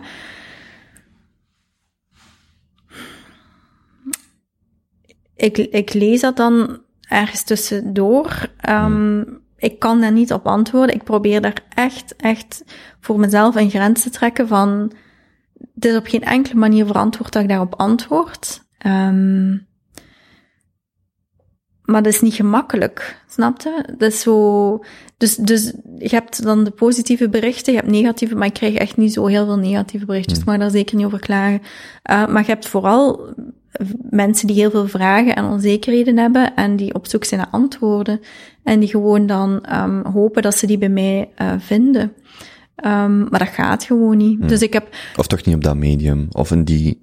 Maar nee, dat gaat gewoon niet kopen. Allee, ik heb nu plus 30.000 volgers, dat is gewoon... Uh, Ja, dat gaat gewoon niet. En ik, ik, ik ja, daarom heb ik die Q&A ook opgericht. Om toch te proberen tegemoet te komen aan um, aan de vragen die er zijn. Natuurlijk kan ik die niet allemaal beantwoorden. Er zijn ook veel te veel vragen die binnenkomen, maar dat is niet de bedoeling. Ik kan daar, ik kan daar gewoon een hele werkweek mee vullen met alleen berichtjes te beantwoorden. En dan heb ik aan het einde van de week, ben ik dood, half dood geslagen door al die prikkels. En heb ik 0 euro verdiend. En heb ik gewoon mensen te woord gestaan de hele tijd. Heb ik ook niet voor mijn grote publiek uh, iets kunnen doen. Dus, um, dus het is gewoon moeilijk. Ik vind dat gewoon een moeilijk evenwicht. Ik ga er heel eerlijk in zijn. En ik probeer te antwoorden op alle berichtjes die gewoon vrij korte reacties vragen. Dus mensen hebben soms gewoon heel snel iets, willen graag snel iets weten. Um, en dat probeer ik, maar dat gaat gewoon niet altijd. Ik vergelijk het met, um, met uh, eigenlijk een lopende kraan. Of uh, probeer ik te vergelijken met een lopende kraan. En af en toe, als ik de tijd heb, steek ik mijn hand onder de kraan. En kijk ik wel van, oké, okay, hetgeen dat er nu invalt, dat handel ik. Handel ik. Um, en dan doe ik mijn hand weer weg, maar die kraan blijft lopen. Snap Bij Instagram is het ook zo. Hm. Die blijven er x aantal weken in staan. En als je ze dan nog niet geopend hebt, dan verdwijnen ze ook gewoon. Er staan ook geen onderwerpen in. Dus je, het is niet gelijk een mailbox dat je kunt beginnen organiseren. Um, en ik heb voor mijn eigen daar wel de grens getrokken. Alleen in het ding van, ik doe al heel veel gratis. En daarnet hè, van, ik denk ook niet in termen van geld. Maar ik denk wel in termen van, ja, dit is nu heel veel tijd dat ik eraan gespendeerd heb. Moest ik gewoon vaststellen voor mijn eigen. En ik, ik voel mij super moe, super, super, super moe, ook op dat schermpje de hele tijd. En ik heb hier niks mee verdiend. Dus dat, dat is misschien geen goed idee om op die manier... Uh... En ik heb het gevoel dat mijn Q&A's... Ik kan absoluut niet iedereen helpen, maar ik, ik heb wel het gevoel dat mensen daar wel iets aan hebben. Dat dat toch meer iets is. Dat, daar kruipt ook heel veel energie in, maar het is wel iets waar dan meer mensen iets aan hebben. Um, dus ja, ik denk... Uh, ja, dus, dat, maar het is, een, het, is, het is een oefening die ik zeker nog niet uh, helemaal heb, onder de knie heb. Is Isaac zijn mama een BV? Nee, jongen. Nee. Nee, helemaal niet. Nee. Um, misschien in Gent een mini beetje. Uh, ja, er, er zijn momenten dat ik, dat ik herkend word. Of, uh, het laatste voorval is nu wel een heel bijzonder voorval. Um, dus ik ga het wel even vertellen, want het is echt zo flatterend. Het is echt super flatterend. Ik was gaan um, lunchen met vriendinnen. Was dat nu, was dat nu pre-corona? Dat kan gewoon niet dat dat pre-corona was. Nee, ik denk dat net alles terug open was of zo. Zo in mei of juni is er zo'n ja, geweest dat veel ja. ging. Ja. Um, en uh, ja, denk het. Ja, doet er nu niet veel toe. En we zaten aan tafel, um, in Gust was dat, in een zo'n brunch, lunchplek in Gent, een heel toffe. En de, um, de bazin zelf kwam mij uiteindelijk een briefje brengen van een andere tafel. En die waren ondertussen snel weg, maar blijkbaar een tafel die naast ons zaten. Twee, twee meisjes waren ik had dat ook gezien. Of twee vrouwen, ja. Um, en die hadden een briefje geschreven dat ze grote fan uh, waren. En zij had mij dat dan, ze hadden dat gegeven van, je moet dat aan haar geven. Mm. Allee, ja, dat was super, super leuk wel. Um, maar het is ook nul mijn ambitie, nul mijn ambitie, echt niet. Ik kan dat niet aan. Ik, zou, ik kan dat nu al niet aan, de negatieve reacties en de, het omgaan met al die berichtjes. Dus nee, nee, nee, ik zou dat gewoon niet aan kunnen. Simpel. Ik was straks aan het denken hoeveel volgers je had toen we de eerste babbel deden. Ik kan me dat totaal niet herinneren hoe dat, dat eigenlijk ook geëvolueerd is. Want ook daarin evolueert de rol, hè, van ik doe iets omdat ik het graag doe en ineens... Mm -hmm. uh, Ineens is veel meer geworden ja, zo, dan gedacht. Maar het ding is, ik doe het nog altijd super graag. Maar um, het is wel een kwestie van uh, keuzes durven maken, mm. denk ik. Ik durf ze gewoon nog niet altijd maken. Oké, okay, wacht, ik moet ook een keuze maken, want ik weet dat jij uh, nog iets anders hebt opstaan en ik wou nog met, over één ding met je praten. Ja, oké. Okay. Um, um, uh, seksualiteit na, omdat je net zei, ik, ben, ik ga van vrouwen naar moeder. En dus ik wou Ja. eigenlijk zo er rustig in, in glijden van, voelt u al terug vrouw? Maar ik ga het u gewoon vragen, hoe is seksualiteit na een bevalling? Ehm, ja, nu, nu, pra- nu praat ik natuurlijk over eh, iets dat niet alleen mij aanbelangt, dus dat vind ik altijd iets moeilijker om open over te zijn. Ehm, Ja, want, ik moet, want uh, je moet ook geen, uh, ik vraag nooit intieme details, maar als je daar met je vriendin over zou spreken, nee, dat Ja, is misschien ook al vrij Ja, dat is inderdaad wel vrij. Mijn vriendinnen ben ik nogal blunt. Hmm. Ehm, ja, moeilijk, dus gewoon weer zoeken. Allee, moeilijk. Nee, eigenlijk, eigenlijk ook wel grappig. Ehm, ja, zoeken. Eh, maar vooral, ik denk dat het aller, allergrootste kwestie, eh, of het allergrootste hindernis, en er zijn er wel een paar, is tijd. Is, is gewoon tijd vinden. Ehm, Wat moet elke man weten als zijn vrouw net bevallen is? Of vriendin? ik denk dat elke man die erbij was, wel heel goed weet wat. eh, ja, Pieter Jan was, was, was bij de bevalling natuurlijk, dus ehm, die had trouwens zoveel bewondering. Allee, die zei van, dat mijn vrouwen zijn... Hij had al heel veel bewondering voor vrouwen, maar hij zei van, een man, als man zijn het toch echt waardeloos eigenlijk. Je staat er gewoon wat te staan en een vrouw is daar leven aan het geven. Ehm, ik weet niet, ik denk dat je als man geduld moet hebben. Ehm, maar ik, ik heb wel echt het gevoel dat je dat... Allee, ik kan natuurlijk alleen voor ons spreken, maar dat dat wel echt een ding van samen was. Zo snap je? Ik heb echt geen pressure gevoeld, of ik heb geen... Oké, ik heb veel pressure gevoeld, maar niet in de... Wel in de letterlijke, maar niet in de figuurlijke betekenis van woord. Maar dat, dat was toch iets dat we echt wel samen bewandeld hebben. Ehm, die heropstart, laat het me zo zeggen. Want, um, en dat we ons eigen ook weinig druk op hebben gelegd. Um, en ik moet heel eerlijk zeggen, ik, ja, ik heb wel een vlot, heel vlot herstel gehad van mijn bevalling. Dus ik vind dat, ik vind dat een beetje riskant om over bevallingen te spreken in die zin dat, en ik vind dat helemaal niet riskant, er mag veel meer over gesproken worden, maar ze zijn zo verschillend, zo verschillend. En uh, bij gevolg ook heel de na, Mm Naast ja, het is een gedeelde ervaring voor de vrouw die Mm. moeder worden, maar het is ook een zeer individueel. Het is, en dat maakt het moeilijk om daar een meer generaal beeld over te praten, maar het is wel iets waar veel Ja. mensen natuurlijk. Maar voor mij is de mentale klik in elk geval niet moeilijk. Ehm, maar of de mentale klik ja, terugmaken zo. Maar, maar het- de kwestie van tijd is en, en energie is, is, is, vind ik veel moeilijker. Voelt je meer of minder vrouwelijk dan ervoor? Ha, ha, ik vind dat een zeer goede vraag. Ehm, maar niet eerder die vrouwelijkheid, maar mijn lichaam is zo... Ik heb mijn, mijn lichaam nog nooit zo 100% geaccepteerd als nu. Hmm.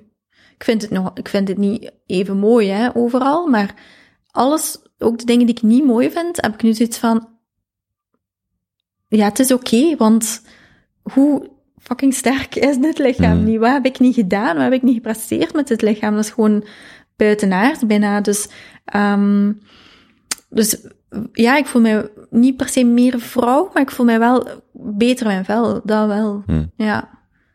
Ook al um, kom je daar niet vlekkeloos uit, uit de bevallingen. Allee, en dan nog, ik heb ook op dat vlak, ehm, ja, wel het geluk aan mijn kant gehad, eh, maar ehm, ik heb gewoon veel meer bewondering gekregen voor de sterkte en de genialiteit van hun vrouwelijk lichaam eigenlijk, en dan mijn lichaam in het bijzonder, ja. Ehm, ik hoop eigenlijk dat, ik, ik hoop, ik, ik zou wensen dat de aandacht daarop kon liggen na een bevalling en niet op de kilo's die eraan blijven Hmm. plakken zijn of wat, want ik vind dat, ik gruwel, gruwel ervan. Ik, ik vind diëten aan zich al een van de triestigste dingen die er bestaan. Maar, um, en met diëten bedoel ik de ruime zin van het woord. Hè. Ook dingen, restricties die je jezelf oplegt. Hè. Maar het diëten na zwangerschap vind ik echt, en zeker mensen die zich daarop richten, ha, daar heb ik heel moeilijk mee. Heel moeilijk mee. Uw lijf heeft net een mens gemaakt. Hallo. Ik bedoel, als dan de focus op kilo's ligt en, en dat vrouwen onzekerheden hebben, ik snap dat. hè. Ik snap dat mijn, mijn, mijn pistoologen zijn op dit moment niet gericht naar de vrouwen die willen afvallen, de vrouwen die willen terug in dat oude lichaam zitten. Mijn pistoologen zijn echt gericht nu op de mensen die, die vrouwen, ons vrouwen het gevoel geven dat we moeten onmiddellijk zo snel terug naar dat lichaam moeten gaan. Ehm, want dat gevoel komt van buitenaf ook. Hè? Die druk komt 100% van buitenaf. En ehm, ja, ik heb er heel veel moeite mee. Nu dat ik het zelf heb, ik had er al moeite mee. Nu dat ik het zelf heb doorgemaakt, denk ik echt van, echt, give yourself a break. Dat ik echt zie grote influencers nadat ze een baby hebben uitgepopt, ja, op detoxachtige dingen gaan, dan denk ik echt, dit kan niet. Heb een keer besef van uw volgers die meekijken, jonge vrouwen, jonge mama's, of, of oudere mama's die meekijken en die door u nu ook de druk voelen om... Of gasten die dat zien en gaan internaliseren van, ah, het is toch logisch dat mijn vriendin, of Ja. zo, zo dat Ja. type ding ook. Als wij met daarvan, die piste gaan echt niet meer opgaan. Ja, maar inderdaad. Ja, Die de, zullen er ook wel zijn, ja. schatje, je zit in de winter bevallen, het is bijna zomer. Echt, maar zo, ik kan, dat niet voor, ik kan me dat niet voorstellen dat dat bestaat. Zal ik je bikinis anders gewoon weggooien? Ik kan me dat zelfs Want die niet doet dat toch voorstellen. Ja. Ik kan Ja. me dat zelfs niet voorstellen. Ik heb gelukkig absoluut zo geen man. Ik zou ook zijn. eh, Hmm. Ja. ehm, Op die noot, ehm wat mag ik u toewensen tegen, wilt je nog eens terugkomen? Zo, over een jaar of zo? ja. Wat mag ik u toewensen in die periode? Of in de Ehm, komende periode? Dat ik, ehm, ja, dat ik vind wat dat het is, dat, dat ik het evenwicht vind. En ik weet dat dat met, dat klinkt misschien nogal zwaar, maar dat ik gewoon wel er de vinger op kan leggen wat dat voor mij op dit moment, en dat moment evolueert natuurlijk een beetje, maar het juiste evenwicht is tussen alle dingen die ik doe. Dat ik daar iets meer rust in vind. Ja, dat zou wel fijn zijn. Wat het dan ook wordt. Ik denk, de projecten maken eigenlijk niet zo heel veel uit. Zolang dat ik het eh, maar en leuk vind en er wat meer rust in vind, ja. Kunnen mensen u daarbij helpen? Ik hoop dat dus een coach eventueel mij daarbij gaat helpen. Dat hoop ik wel, ja. Ehm, en, en verder, ehm, nee. Al, ah, je bedoelt mensen in het algemeen? Ja? Mm, ja, nee. En ik heb het gevoel dat, dat mensen eh, wel dingen oppikken. Gelijk mijn verzoek om, om bijvoorbeeld vragen die bij recepten horen ook echt op de blog te stellen. Mensen gebruiken dat nu ook veel beter. Ik, ik denk dat er wel een, een, een clubje is van mensen die dichter bij mij staan. Ehm, ik, ik ken ze niet per se, maar, maar die mij echt goed volgen op, op eh, en die lezen wat ik schrijf en, en mijn stories goed bekijken. En ehm, dat daar wel een heel toffe dynamiek in bestaat. Ook op Instagram zelf, ook in reacties en, en, en veel positiviteit. En ja, en veel motivatie voor mij dus ook, ja. En als mensen een positieve ervaring hebben met mijn boeken, mogen ze dat altijd in een berichtje sturen. Altijd. Die krijgen sowieso voorrang, die soort berichtjes. En ze zijn ook heel motiverend. Dus cry for attention hier om af te sluiten. Maar nee, nee, het is gewoon wel waar. Het is gewoon ook echt een voornemen om te focussen op die positieve dingen. En ehm ja, je hebt misschien wel gelijk om gewoon die negatieve totaal aan mij voorbij te laten gaan, ja. En er mijn tijd niet in steken is al één ding. Om, is al één stap in de oefening, ja. Ga het u de volgende keer vragen. Is goed. Goed. Zeer goed. Merci om eh, tot hier te komen. Ja, is graag gedaan. En eh, ja, ik zei het, altijd welkom. Ik vind het altijd leuk om met u bij te praten en te horen hoe dat, het, eh, ja, hoe dat met u gaat. Ja. Wat leven brengt. Ja, likewise. Alright. Oké, tot de volgende. Doei. Doei. Als je geniet van gesprekken zoals deze, abonneer je dan op Spotify of YouTube, geef een recensie op Apple Podcasts of volg me op Instagram, at Show. Ik zit ook op Twitter, at Kobe van Rippelen.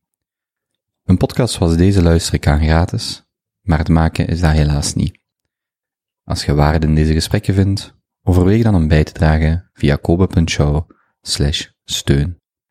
Zoals altijd, dank om te luisteren en tot gauw.